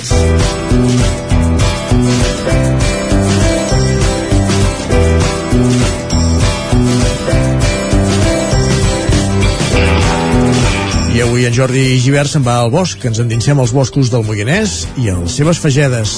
Jordi, com vulguis. Avui al territori sostenible volíem parlar de la situació del bosc al Moianès, concretament de, de les fagedes que trobem al, al Moianès. I teníem amb nosaltres a l'Arnau Mercader de Conservem el Moianès, una entitat creada recentment posar en valor a la fauna flora tenim a, a la comarca del Moianès. Uh, bon dia Bon dia, bon dia, què tal? Arnau, uh, per situar-nos una mica uh, ens pots explicar uh, l'origen de, de l'entitat de Conservem Moianès uh, com, com la creeu i què us porta a organitzar-vos aquí a la comarca? Sí, mira, um, conservem el, el Moianès neix um, amb una colla d'amics com un grup uh, al principi de, de denúncia ambiental a través de les xarxes socials. Diguem que fars una mica de veure agressions a diversament al territori, prenem la, la decisió de com a mínim eh, que hi hagi un aparador on aquestes coses es puguin veure i se sàpiguen, no? Uh -huh. eh, dir que de denúncia no, no, no ens referim a unes denúncies de formal, sinó que més aviat és, és una informació crítica com estan les coses, que a vegades es pensen que estan bé i, i, i, i de, vegades no, no, no, no és d'aquesta manera, no? I intentem donar els arguments necessaris quan, quan és necessari. Val. Uh, més, perdó. Endavant.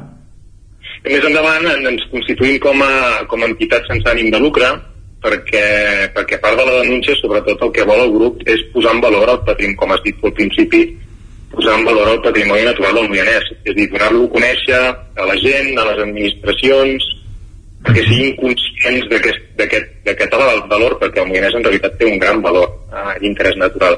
Perquè el que passa és que moltes vegades el, el, no es coneix i això també en part afavoreix una part d'aquestes agressions que, que parlàvem abans i per tant fan falta entitats que facin, que facin aquesta funció diguem de transparència no? de, la, de la informació Uh -huh.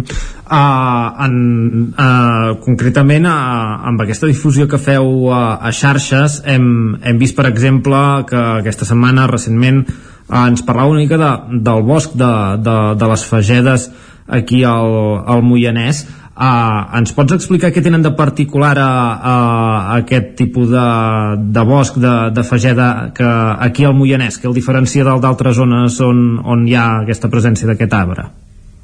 Bé, el, el, que, el que té d'especial és que les fagedes eh, són boscos, diguem, poc esperables en una àrea com el Moianès.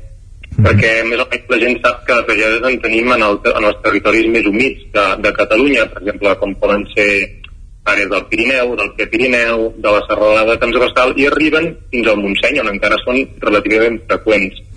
Però fora d'aquí, eh, cap al sud de Catalunya, són raríssimes.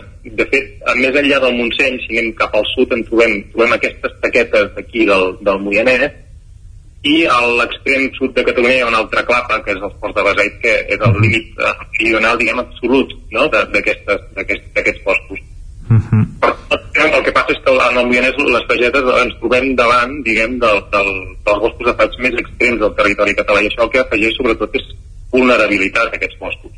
Uh -huh. uh, per situar-nos una mica uh, amb, amb tema de quantitat tenim un bosc uh, gran diguem-ne o molta, molta àrea de bosc al, al Moianès mm, tinc entès que segons el que he pogut veure que és el 80% si no ja em, ja em corregiràs que el 80% del terreny és, és uh, bosc uh, d'aquest 80% quan seria uh, els boscos de, de faig, de fagedes uh, aquí a la comarca? Um, um, calculat respecte a la superfície total de bosc no, no, no ho sabem exactament, però ha ser molt petit, però sí que tenim una aproximació de lo que representen les pagedes en la superfície total de la comarca. Uh -huh. Això és un, un no arriba a un 0,2%, és un 0,7, un 0,17.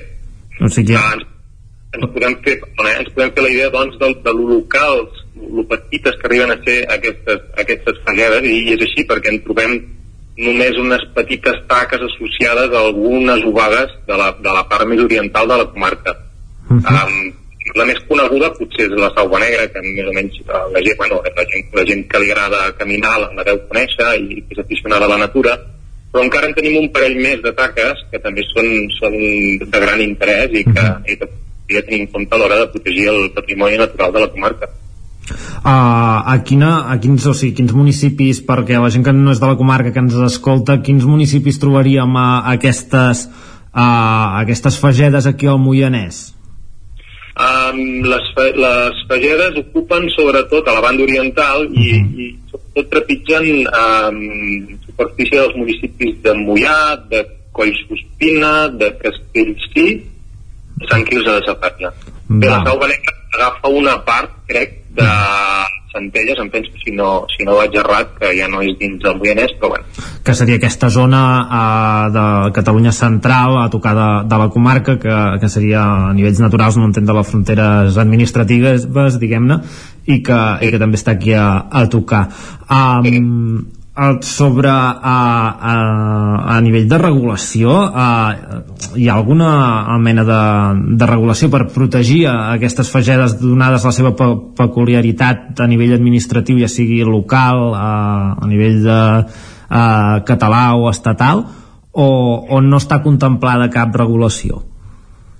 A veure, les, les fagedes aquestes, um, que són sobre un substrat calcari, és dir, són, és un hàbitat que defineix així, diguem, des d'Europa són considerades un, un hàbitat d'interès comunitari. És a dir, els hàbitats d'interès comunitari són una selecció que es fa des de la, des de la Unió Europea d'hàbitats que destaquen per la seva, ja sigui per la seva singularitat, per la seva raresa o perquè estan amenaçats. Uh -huh. Això fa que a Europa hi hagi una certa exigència en els estats membres perquè es faci una protecció efectiva d'aquests hàbitats. Ara bé, aquesta protecció, efectiva, aquesta protecció es porta a terme sobretot en una xarxa d'espais naturals que s'anomena xarxa Natura 2000, en la qual hi ha inclosos la majoria d'espais naturals protegits de Catalunya, però justament les fagedes del Moianès, una part de les fagedes del Moianès no hi són incloses.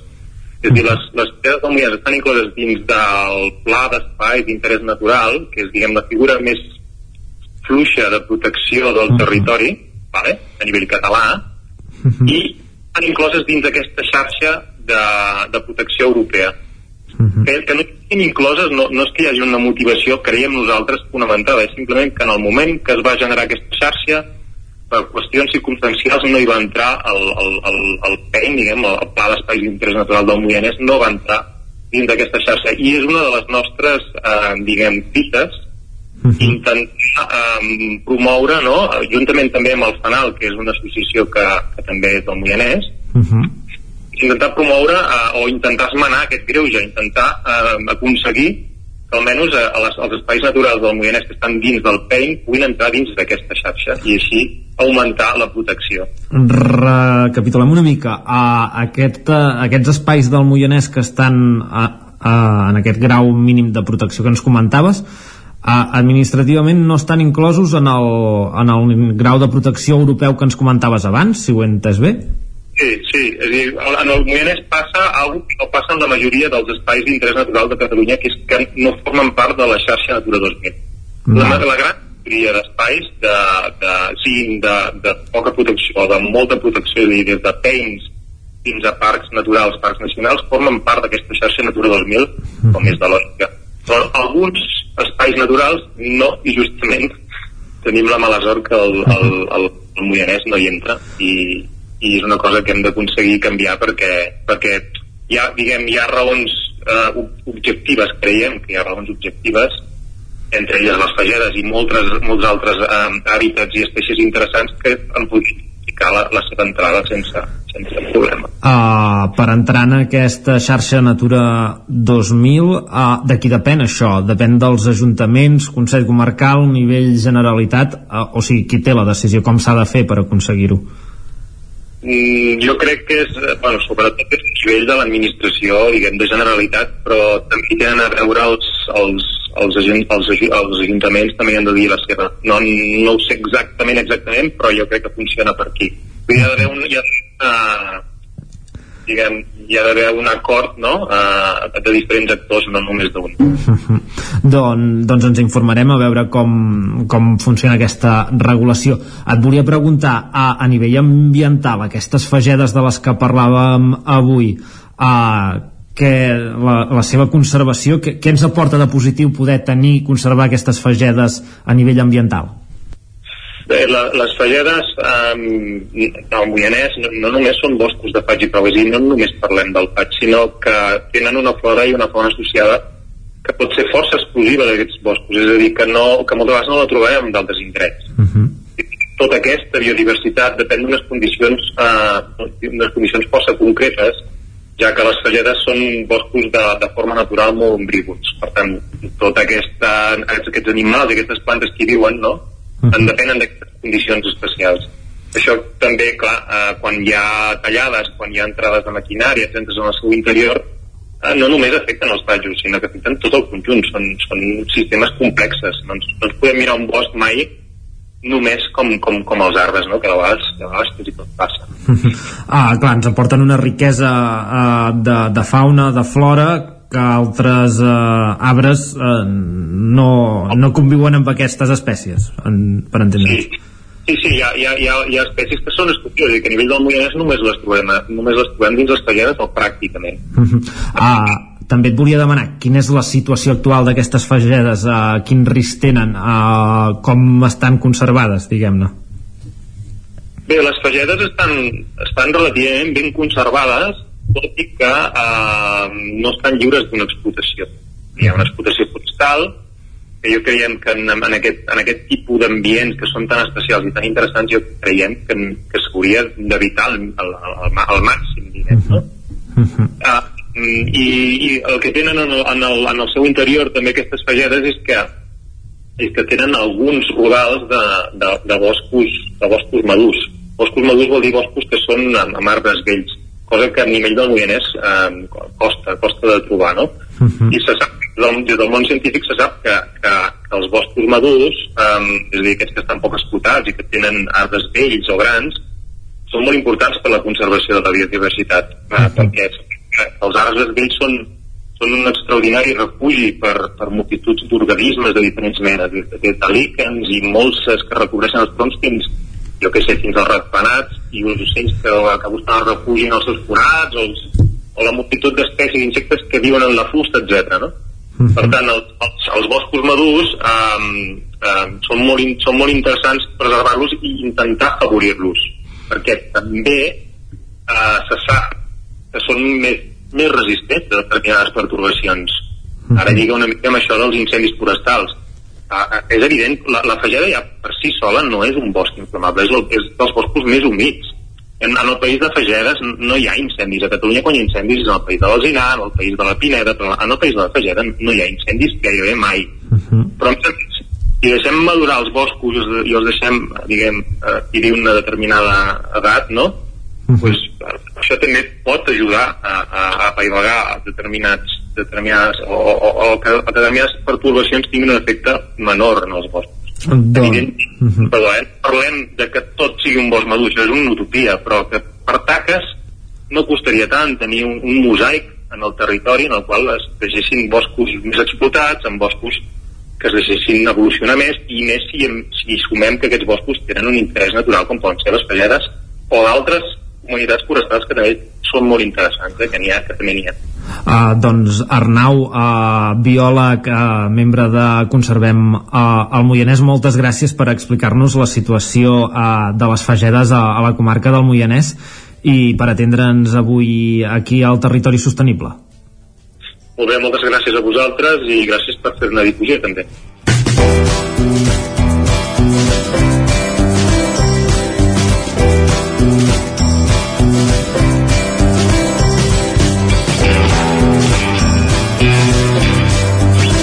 Doncs gràcies també Jordi Givert una setmana més per la secció per al territori sostenible avui coneguent les característiques d'aquests boscos del Moianès i de les fagedes. El territori 17 que encara la recta final. Tot seguit farem una pausa, ja ho sé, 3 minuts molt breu i tornarem de seguida amb la resta de continguts del matí. Eh, passarem per l'R3 com cada matí amb l'Isaac muntades per conèixer les cròniques del nostre tren de cada dia i acabarem fent un repàs a l'agenda cultural pels propers dies a les diferents comarques al nostre, al nostre territori 17. Fins ara mateix, ara tornem 3 minuts i venim. El nou FM, la ràdio de casa, al 92.8. Mmm, quan fa que no menges pluma ibèrica de Salamanca i xuletilles de lechal a la brasa amb una bona amanida? Oh, i un xuletón de vedella gallega? O lechazo de Castilla al forn? Ah, i botillo del Bierzo amb cachelos i col? Ei, i cochinillo a l'estil de Segovia, i tot acompanyat d'un bon celler. Oh, i uns bons serranitos de pollastre, de llom, d'hamburguesa, del que tu vulguis. Per menjar la millor cuina de lleó sense moure't de casa, vine a El Racó de León. Fem cuina tradicional lleonesa i de mercat. Vine amb la família, amb els amics, amb la parella o sol. T'encantarà. El racó de León. Som al carrer Torelló 35 de Vic. Reserves 93 889 1950. Tanquem els dimarts. El racó de León. Vine a tastar una cuina diferent. A la Clínica Dental Sant Fortià hi trobareu un equip professional que treballa de manera coordinada per oferir un tracte sensible i humà. Estem preparats per qualsevol urgència dental i oferim accions preventives per la tercera edat i els infants. I aquest carnaval, vine disfressat i emporta't un regal. Clínica Dental Sant Fortià. Ens trobareu a la plaça Sant Fortià número 9 de Torelló al 93 859 6408 i al 690 92 51 99. Cefusol, centre de formació de soldadura GURB. Som especialistes en processos de soldadura. Disposem d'instal·lacions totalment equipades per a classes de teòrica i pràctica amb cabines individuals i equipaments de seguretat. Assessorem empreses i oferim cursos subvencionats i bonificats. Vine i t'informarem. Cefusol, som al carrer Sant Roc, número 9 de GURB. Telèfon 664 206 192. També ens trobaràs a cefusol.com i a YouTube. Cobertes serveis funeraris. Els nostres tanatoris estan ubicats en els nuclis urbans més poblats de la comarca d'Osona per oferir un millor servei. Tanatori de Vic, Tanatori de Manlleu, Tanatori de Centelles i Tanatori de Roda de Ter. Sabem que són moments difícils i per això el nostre compromís és atendre-us en tot moment amb un tracte humà, sensible i respectuós. Cobertes serveis funeraris. Telèfon 24 hores 93 883 23 46.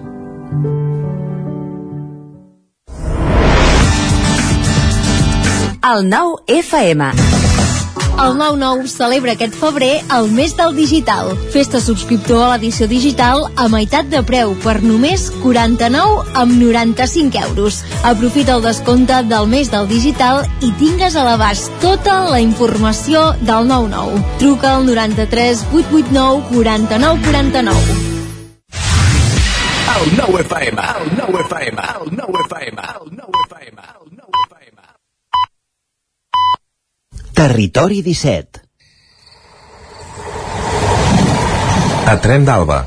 Cada dia els usuaris de la línia R3 de Rodalies que veuen sortir el sol des d'un vagó ens expliquen les gràcies i les penes del primer comboi que uneix Ripoll i Barcelona. Benvinguts a Tren d'Alba. Aquests dies us explicaré que Renfe ha licitat en el marc del Pla de Recuperació, Transformació i Resiliència finançat pels fons Next Generation de la Unió Europea contractes per al subministrament, instal·lació i manteniment d'un sistema de cronometria digital en estacions gestionades per Renfe Viajeros i per a pantalles multimèdia, majoritàriament a les seves estacions de Rodalies i de Renfe Amplemètric, per un import d'1,2 i 5 milions i mig d'euros respectivament. L'objecte de l'acord marc del contracte d'aquest sistema de cronometria és l'adquisició de subministraments de sistemes electrònics de cronometratge, serveis de reparació i manteniment d'equips de precisió mitjançant la contractació d'entitats que operen als sectors de l'aigua, l'energia, el transport i els serveis postals. El període d'execució del contracte és de 8 anys. Només demano que si renoven la cronometria és que sempre funcioni i que serveixi perquè ni que sigui psicològicament els trens millorin en puntualitat i els faci vergonya veure que no arriben puntuals a les estacions. Va, us deixo amb la crònica d'avui de la Glòria Francolí. Hola, bon dia, aquí la Glòria de 20 minuts arribar a l'estació de Sants és perquè he anat amb autobús i a la primera hora normalment abans de la, a l'excepció dels dies. Que no va bé. També n'hi ha. La veritat és que el trànsit és, és molt, molt fluix no res, dos mesos després de l'última crònica de viatge ja em torneu a tenir aquí eh, durant tot aquest temps he fet de treball i bueno, ara ja hi estem acostumats. Això hi haurà èpoques que treballarem des de casa èpoques a l'oficina i nosaltres ara tornem a l'híbrid que és dos o tres dies a l'oficina segons la setmana i la resta de dies a casa. El viatge d'avui molt clàssic, molt fàcil i com us he dit molt ràpid. Ara em queden encara 20 minutets per arribar a l'oficina, però fer tot el trajecte en menys de dues hores, com haurà estat el cas d'avui. La veritat és que això ja són altres altres donades, altres timings que diuen i es fa més, més portador és més fàcil eh, quan et trobes amb, aquests, amb, amb aquestes durades de trajecte i no pas les a partir de dues hores i mitja, tres hores que pots tardar segons el moment del dia que, del dia que viatges o el tipus de transport que agafes A veure avui com anirà la tornada, ja us ho explicaré també. Vinga, molt bon dia a tothom. Ens n'alegrem que tornis a l'oficina i ens puguis tornar a fer les cròniques des del tren. Sembla que aquest treball híbrid en alguns casos ha arribat per quedar-se. Va, ens retrobem demà amb més històries del tren i de la R3. Territori 17 El 9 FM, la veu de Sant Joan, Ona Codinenca, Ràdio Cardedeu, Territori 17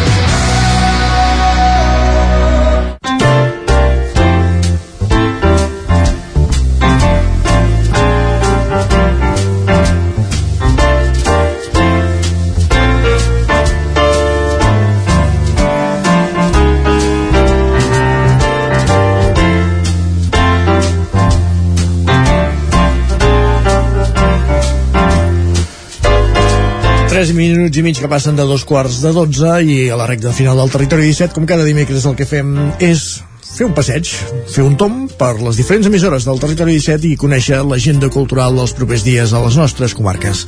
Un recorregut que, com cada dimecres, el comencem als estudis de Ràdio i Televisió Cardedeu amb l'Òscar Muñoz. Aquí ja saludem. Òscar, bon dia. Doncs comencem el repàs cultural aquí a Cardedeu. Divendres a dos quarts de nou de la nit tenim a la Paula Grande, a la Magali Seré i a la Jassamí Boada, que uneixen veus, un altre cop ho intentaran, ja que doncs, aquest concert es va plaçar per culpa d'un cas positiu. Llavors, doncs això s'ha plaçat fins aquest divendres, on també hi haurà el Pau Roget fent un petit tastet abans de l'escenari. Com hem comentat, aquest concert està dins del tast autors que ja li queda poc per acabar i diumenge a les 6 de la tarda tenim el Febrer Musical amb la Cobla Montgrins. Arriba una nova edició doncs, això del Febrer Musical organitzat per l'agrupació sardanista de Cardedeu amb la Cobla Montgrins. Això es farà al Teatre Auditori de Cardedeu i té un petit cost de 12 euros. Ens anem a Granollers, on també divendres hi haurà un escenari obert per Carnaval el grup de joves High Five que van, van realitzar l'escenari obert del Nadal doncs s'han animat tot a cop a fer un altre eh, escenari tematitzat amb l'ambientació doncs, de Carnaval. Tothom qui vulgui cantar doncs ja sabeu a, a l'espai Gra l'equipament juvenil de Granollers a la plaça de l'Església doncs allà hi seran. També divendres, però al Teatre Auditori de Granollers tenim el Requiem de Mozart a les 8 del vespre, on eh, serà un espectacle integrat d'altíssim voltatge emocional, visual i sonor, en què una de les obres més cèlebres de la història de la música s'agermana amb la música, la dansa i el moviment. Podem trobar entrades des de 19 euros fins a 38. També divendres a les 8 del vespre tenim el 32è Festival de Jazz de Granollers que presentaran Freedom Feast, d'Albert Marquès Quartet. El pionista granollerí resident a Brooklyn eh, torna a la seva ciutat per presentar el seu repertori sorgit arran del moviment Black Lives Matters. Després de l'assassinat del, del George Floyd, doncs, durant aquest període, el Marquès va iniciar el seu projecte juntament amb gent d'allà del país eh, afroamericà i doncs ens venen a presentar aquest Freedom Feast l'Albert Marquès Quartet dins del 32è Festival de Jazz de Granollers. Podem trobar les entrades des de 15 euros a taquilla. I acabem amb dues activitats de dissabte. El Teatre Auditori de Granollers acull l'obra Mai Humana a les 9 de la nit, una de les companyies de dansa i percussió més protagonistes del món a Granollers. Mayumana és la mítica companyia israeliana amb més de 26 anys d'història i més de 800 artistes d'arreu del planeta que arribaran aquí a Granollers per presentar Corrents, un impressionant muntatge de dansa, percussió i sons electrònics que posa ritme a l'electricitat. Podrem trobar les entrades des de 20 euros a les taquilles del Teatre Auditori de Granollers i acabem dissabte a la nau B1, a la Roca Humbert de Granollers, tenim el Carnaval nit de concert amb Palat i Pelut, el grup de la plana de Vic que segurament vosaltres ja coneixeu, doncs això, hi serà a, les, a la 9 tenim entrades des de 8 euros, poden comprar a la pàgina web de la Roca Humbert. I fins aquí seria el repàs cultural d'aquest cap de setmana. Gràcies, Òscar. Has dit i Pelut, oi?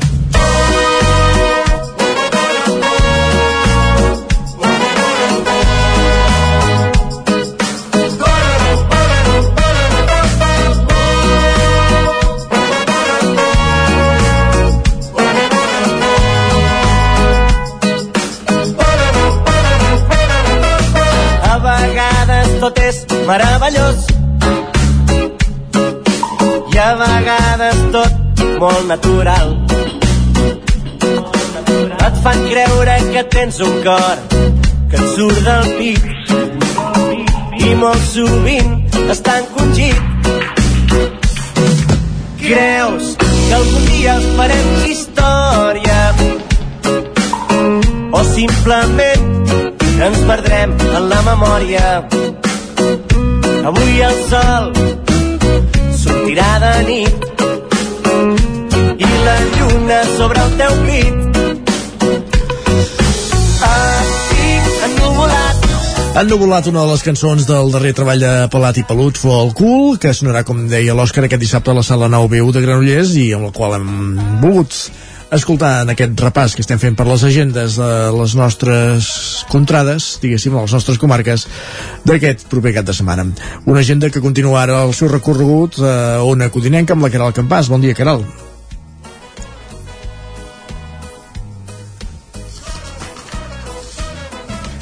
Caral, bon dia. Ara, sentim molt de fons, vale, sí, perfecte. Vale, perfecte. Uh, mireu, uh, us parlo de l'agenda cultural començant per Sant Feliu de Codines, és una agenda força escueta. Aquí tenim, uh, segueix la 39a edició del concurs de teatre amateur Vila de Sant Feliu de Codines i en aquest cas el grup de teatre del Casal de Sant Madir de Barcelona porten uh, l'obra Residència Tordera, Pla de Fuga d'Albert Capel, uh, serà aquest diumenge a les 7 de la tarda i és una obra de teatre que està ambientada en la pandèmia. Um, representa que a la residència Albert Tordera uh, fa quatre mesos que estan tancats per la, per la pandèmia i els, els residents farts no, de, de la situació eh, decideixen, un, un grupet, un petit grupet decideix fugar-se d'aquesta residència. Llavors aquest és el, el context de- d'aquesta obra mm, que forma part doncs, del concurs de teatre amateur Vila de Sant Feliu de Codines que es podrà veure aquest diumenge a les 7 de la tarda al Casal Cultural Codinenc. Molt bé. Um, també us parlo de dues exposicions que tenim en dansa al Moianès.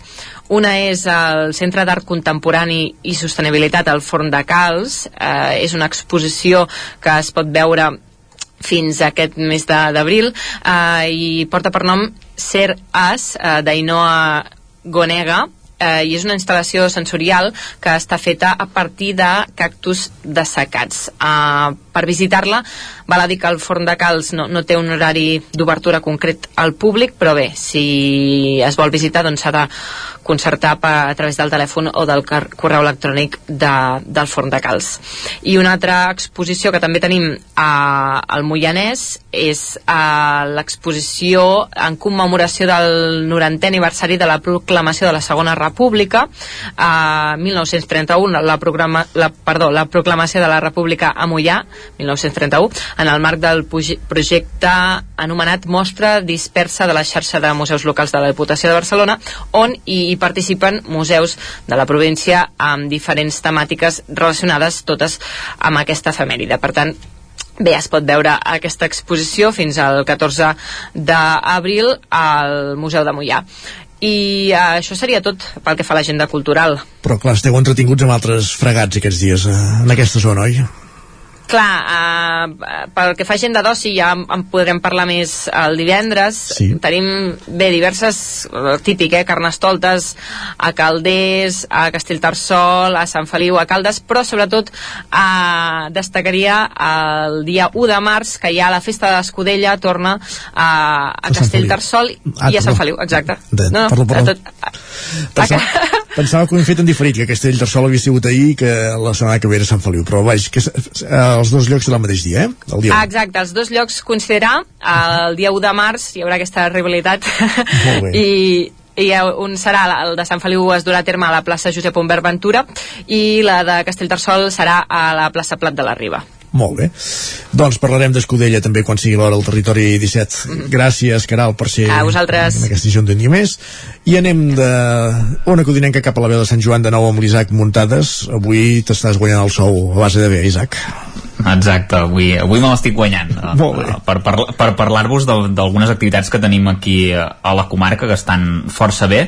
Si us sembla, comencem per, per el Parlem de Cinema, que a vegades ho hem comentat, que és una d'aquestes xerrades que fa en, en Ramon Musac a Ripoll, a la Biblioteca Lambert Mata, sobre algunes pel·lícules. Això és, és aquest dijous a, a les 7 de la tarda i en aquest cas es farà un comentari col·loqui de la pel·lícula En el calor eh, de la noche, dirigida per Norman uh, Jewison i, i doncs moderarà l'acte Ramon Musac, que, és, que ja sabeu que és una pel·lícula que parla d'una petita població de, de Mississippi en què el policia doncs, uh, Sam Wood descobreix el cadàver d'un industrial i poc després doncs, a, a l'estació de tren uh, deté un home negre que uh, al, a l'interrogar-lo uh, descobreix doncs, que, que també és un inspector de, de policia de Filadèlfia i per tant uh, quan els dos policies es coneixen decideixen col·laborar amb la, amb la investigació per descobrir aquest assassinat. Parlaran, parlaran d'aquesta pel·lícula. Uh, després, un parell de, de coses de, de Can Bànol. Uh, recordem que la setmana passada us vam explicar que Sant Joan havien uh, convocat ja el certamen literari Joan Maragall, doncs uh, a Can Bànol també s'ha fet a través de la, la regidoria de Cultura el certamen literari de Sant Jordi, que aquest any arriba a la 21a edició i a banda del Premi Narrativa Poesia i Relat Curt de Temàtica Lliure aquest any també hi haurà el Premi Especial Concepció Casanova Danés, que, que és nascuda a Can Dànol i que va ser la petita de cinc fills de, de Damià Casanova, del Damià de la Farga i Josefa Danés, i a més a més va ser filòloga, poetesa, mestra i traductora, per tant eh, li va que ni pintat, per dir-ho d'alguna manera, i, i aquest premi especial doncs, eh, dir-vos que per participar-hi haurà de ser en format narrativa i en perspectiva de gènere i es valorarà doncs, l'estructura literària així com que reculli, eh, que reculli una aportació proposta als valors de la igualtat de, de gènere. Eh, el certamen literari està obert a, a tothom sempre i quan s'hi participi en obres originals i inèdites escrites en català la temàtica és lliure, com us deia, excepte en, en aquest Premi Concepció Casanova i les categories doncs, es dividiran entre infantil, juvenil i adult i cada autor doncs, podrà participar en una sola obra o en les quatre modalitats del certamen eh, que hi ha narrativa, poesia, relat curt i aquest premi especial s'hi pot participar doncs, eh, a través de les oficines de l'Ajuntament o bé de forma telemàtica a través de, del correu. El, el veredicte i el lliurament de premis tindrà lloc el, el 23 d'abril a, a la tarda en el marc de la, de la Diada de Sant Jordi, evidentment. Molt bé. Um, després, uh, també a, a Can de Bànol, uh, aquest uh, dia 26, aquest dissabte, uh, s'inaugurarà doncs, l'exposició La veu de color a les 6 de la tarda. Uh, això es farà a la sala del cafè i l'annex del casino de, de Can de Bànol. És una activitat que, que la desenvolupen conjuntament doncs, a l'Associació Catalana Cultura i Compromís i el Cercle Can de Banolenc i forma part d'aquest circuit artístic que, que programa doncs, la- l'Associació Catalana Cultura i Compromís que comptarà amb les obres de 34 artistes locals i es podrà visitar doncs, fins al pròxim 24 d'abril tots els dissabtes, diumenges i, i festius eh, d'11 a dos quarts de dues i de 4 a 7 de, de la tarda dir-vos també que aquest dissabte arriba el Boc a Ribes de Freser eh, com sempre doncs, amb els amics de la cinema de, de la Vall de, de Ribes per conèixer doncs, els millors curtmetratges, websèries, videoblogs i nous formats en català. Això serà el cinema Catalunya eh, aquest eh, dissabte a les 6 de la tarda.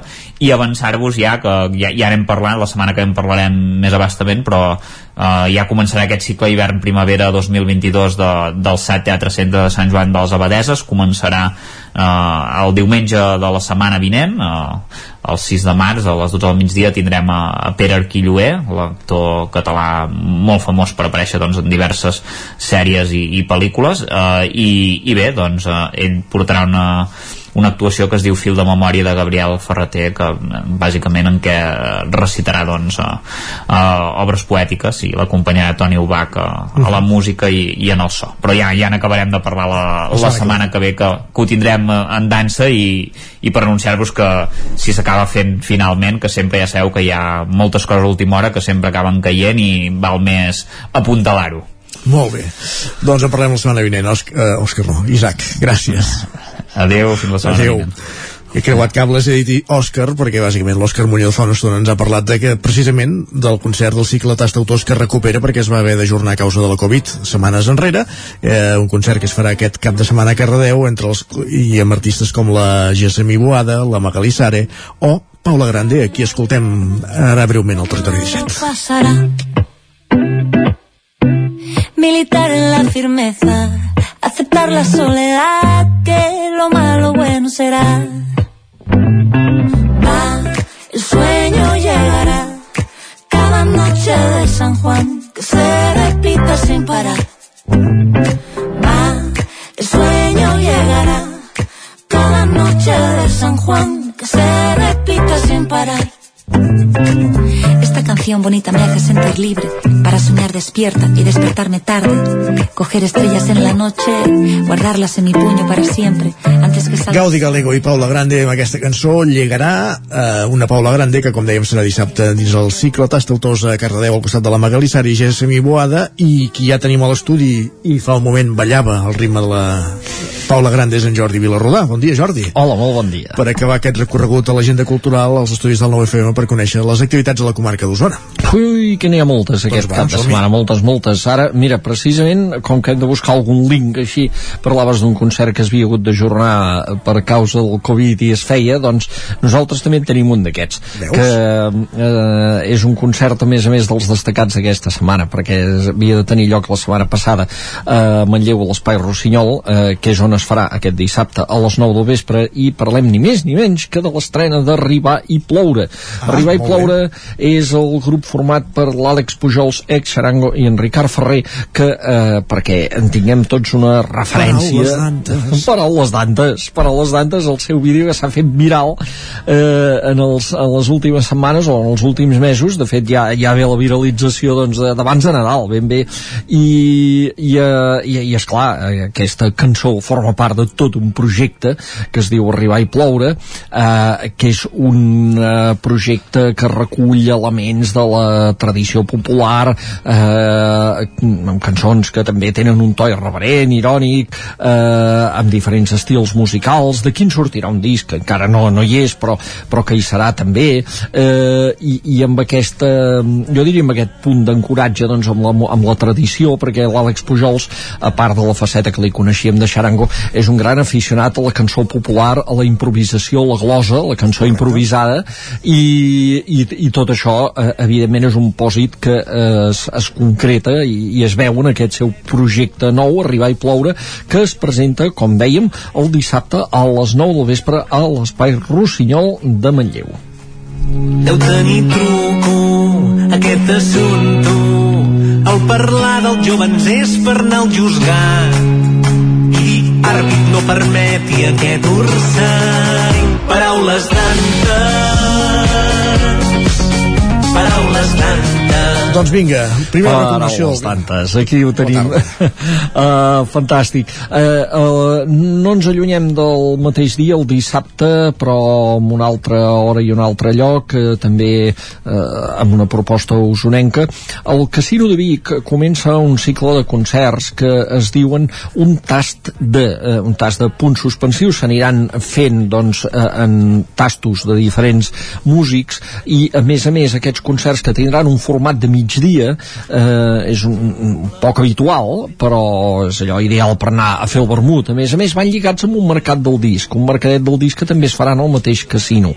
És una proposta nova com dèiem que eh, tindrà lloc eh, un dissabte de cada mes mes, mes i mig, més o menys i, i serà doncs eh, aquest, aquest eh, fórmula mixta doncs, de, de concert i, i mercadet. I comença amb un tast d'en Guillem Remisa i del seu disc ens enfilarem en l'aire que va sortir ja abans de la pandèmia o sigui, a finals de 2019 devia ser que és el seu últim treball. I el podrem veure doncs en, aquesta, en aquest cicle nou que s'obre al Casino de Vic dissabte. Parlant de cicles també comença el vuitè cicle de músiques de Santa Llúcia de Taradell en aquest cas els amics de Santa Llúcia són els organitzadors. No tots els concerts evidentment tenen lloc a la capella de Santa Llúcia perquè també és un lloc petit eh, i, i només n'hi haurà un concretament perquè és, és un lloc que l'aforament el té molt reduït. I el primer serà eh, aquest dissabte a Can Costa amb José Moro al violoncel i Astrid Stinchaden al piano amb eh, peces de Richard Strauss. Eh, inicia un cicle que eh, constarà de 5 cinc concerts que tindran lloc des d'ara fins al mes de maig en aquest cicle de Santa, músiques de Santa Llúcia a Taradell. Eh, més propostes musicals per aquest cap de setmana. Eh, No parem, eh, de música? Ui, Parem ui, coses ui. aquest cap de setmana. Hi ha, hi, ha, hi ha molta cosa, hi ha molta cosa. En destacarem una altra perquè aquesta és d'estrena també i si en voleu tenir més informació podeu veure la Tremolla al nou TV on, on, on serà protagonista aquest projecte. Es diu Camarata de Música Catalana. Camarata de Música Catalana és una iniciativa d'un músic usonenc que és en Jofre Verdolet i que al seu voltant ha integrat doncs, joves estudiants i exestudiants de l'ESMUC, de l'Escola Superior de Música de Catalunya i del Conservatori del Liceu per crear una formació instrumental que vol fer repertoris sobretot de compositors catalans, perquè a vegades ens trobem que en els repertoris dels concerts de clàssica eh, els que són absents són els nostres compositors propis. I, i això no passava així si mirem repertoris de, no sé, l'orquestra Pau Casals doncs d'abans de, de la Guerra Civil. Era, era habitual que la majoria del repertori d'un concert fos de compositors catalans. Doncs bé, ells volen recuperar una mica aquest esperit creen aquesta camarata de música catalana i s'estrena a l'Atlàntida de Vic en un concert que tindrà lloc justament aquest dia eh, perdó, eh, a veure si, que, no, que, ara, que ara no ens equivoquem aquest diumenge aquest diumenge, sí senyor. El concert tindrà lloc aquest diumenge a les 12 del migdia, en horari de migdia per tant, i en el repertori que hi haurà doncs hi haurà un que no és català o sigui, una peça d'una serenata per cordes de Tchaikovsky eh? Eh, i a més, i llavors paral·lelament comparant amb un contemporani seu català, que és Juli Garreta amb les impressions sinfòniques d'en Juli Garreta. I veure doncs que el que feia Garreta podia estar al nivell d'un Tchaikovsky, que aquest és l'objectiu de la camarata aquesta que impulsa en, en Jofre Verdolet. Eh, més propostes a l'Atlàntida. Ara sí que no ens movem d'aquí i repassarem una mica el que hi ha aquest cap de setmana perquè hi ha força cosa interessant. El divendres comença el cap de setmana a l'Atlàntida a les 8 del vespre amb les XL que és un duet teatral format per la Nia Cortijo i la Marta Sitjà que la Marta Sitjà és de Manlleu. I ens porten un espectacle que es diu Abandona't molt, l'han fet en versió castellana també, Abandonate mucho. És un, ara que es parla aquests dies de l'amor romàntic, aquell anunci de la Conselleria d'Igualtat a Feminismes eh, sobre l'amor romàntic, doncs aquest seu espectacle és una deconstrucció del mite de l'amor romàntic però amb, també amb música amb teatre, amb humor divertit, etc etc amb aquest duet d'artistes que com a companyia es presenta amb el nom de les XL probablement les haureu vist ja en algun altre escenari.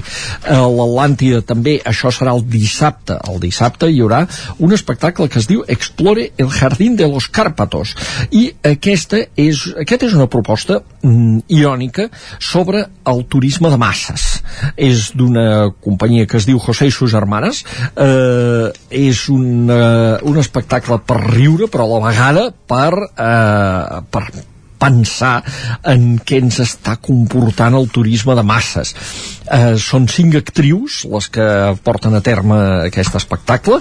Eh, amb una dramaturgia d'Ignacio de Antonio Antón es va presentar el grec s'ha presentat el temporada alta el teatre lliure, per tant ben molts avals d'altres escenaris i això serà dissabte a les 8 del vespre a l'Atlàntida de Vic. Molt bé, Déu-n'hi-do. Déu-n'hi-do, déu nhi déu oh, i a més a més no hem d'oblidar també que diumenge, a part de la camarata que hem dit i de la música clàssica al migdia, a la tarda arriba a l'Atlàntida el musical sobre el confinament que va crear de Goll de Gom pensant en el públic infantil, en els més menuts. Es diu Bye Bye Monstre, és la primera producció que fa de Goll de Gom pensant en aquest, eh, en aquest segment de públic i precisament doncs, eh, per això hi ha cançons de la Damaris Gelabert que tot el públic infantil sabrà qui és, això és a partir d'un test del Marc Artigau i eh, és el monstre, el Bye Bye Monstre aquest, doncs el monstre és la pandèmia i de fet és un homenatge també del, als, a la situació que van viure eh, els infants i les famílies a la que ells es van adaptar molt bé, per cert,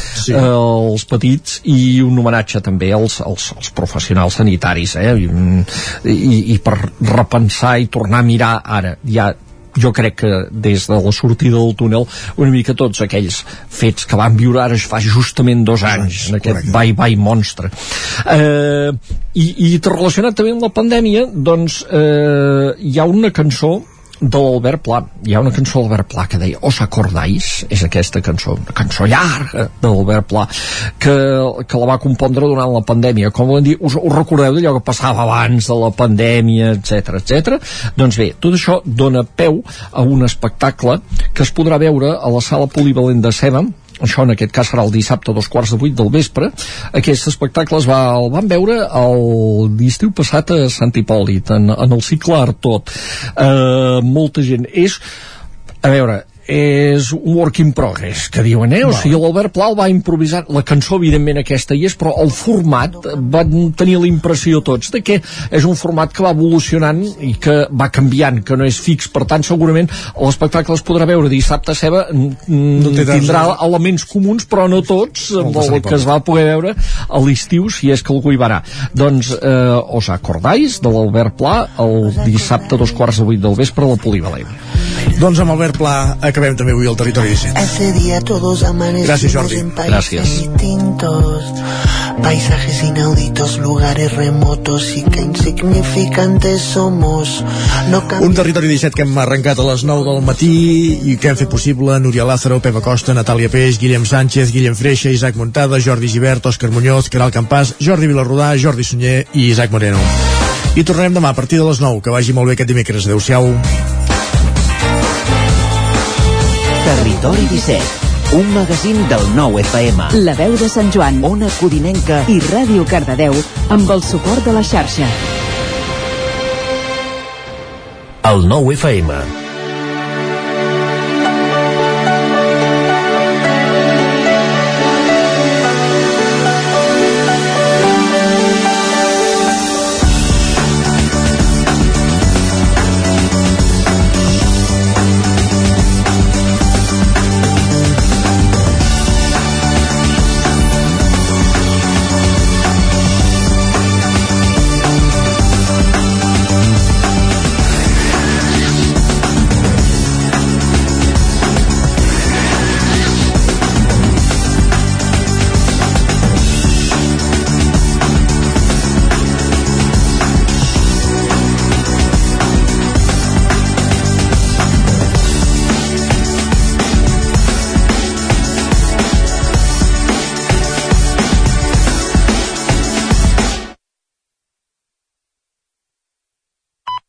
El nou FM, la ràdio d'Osona.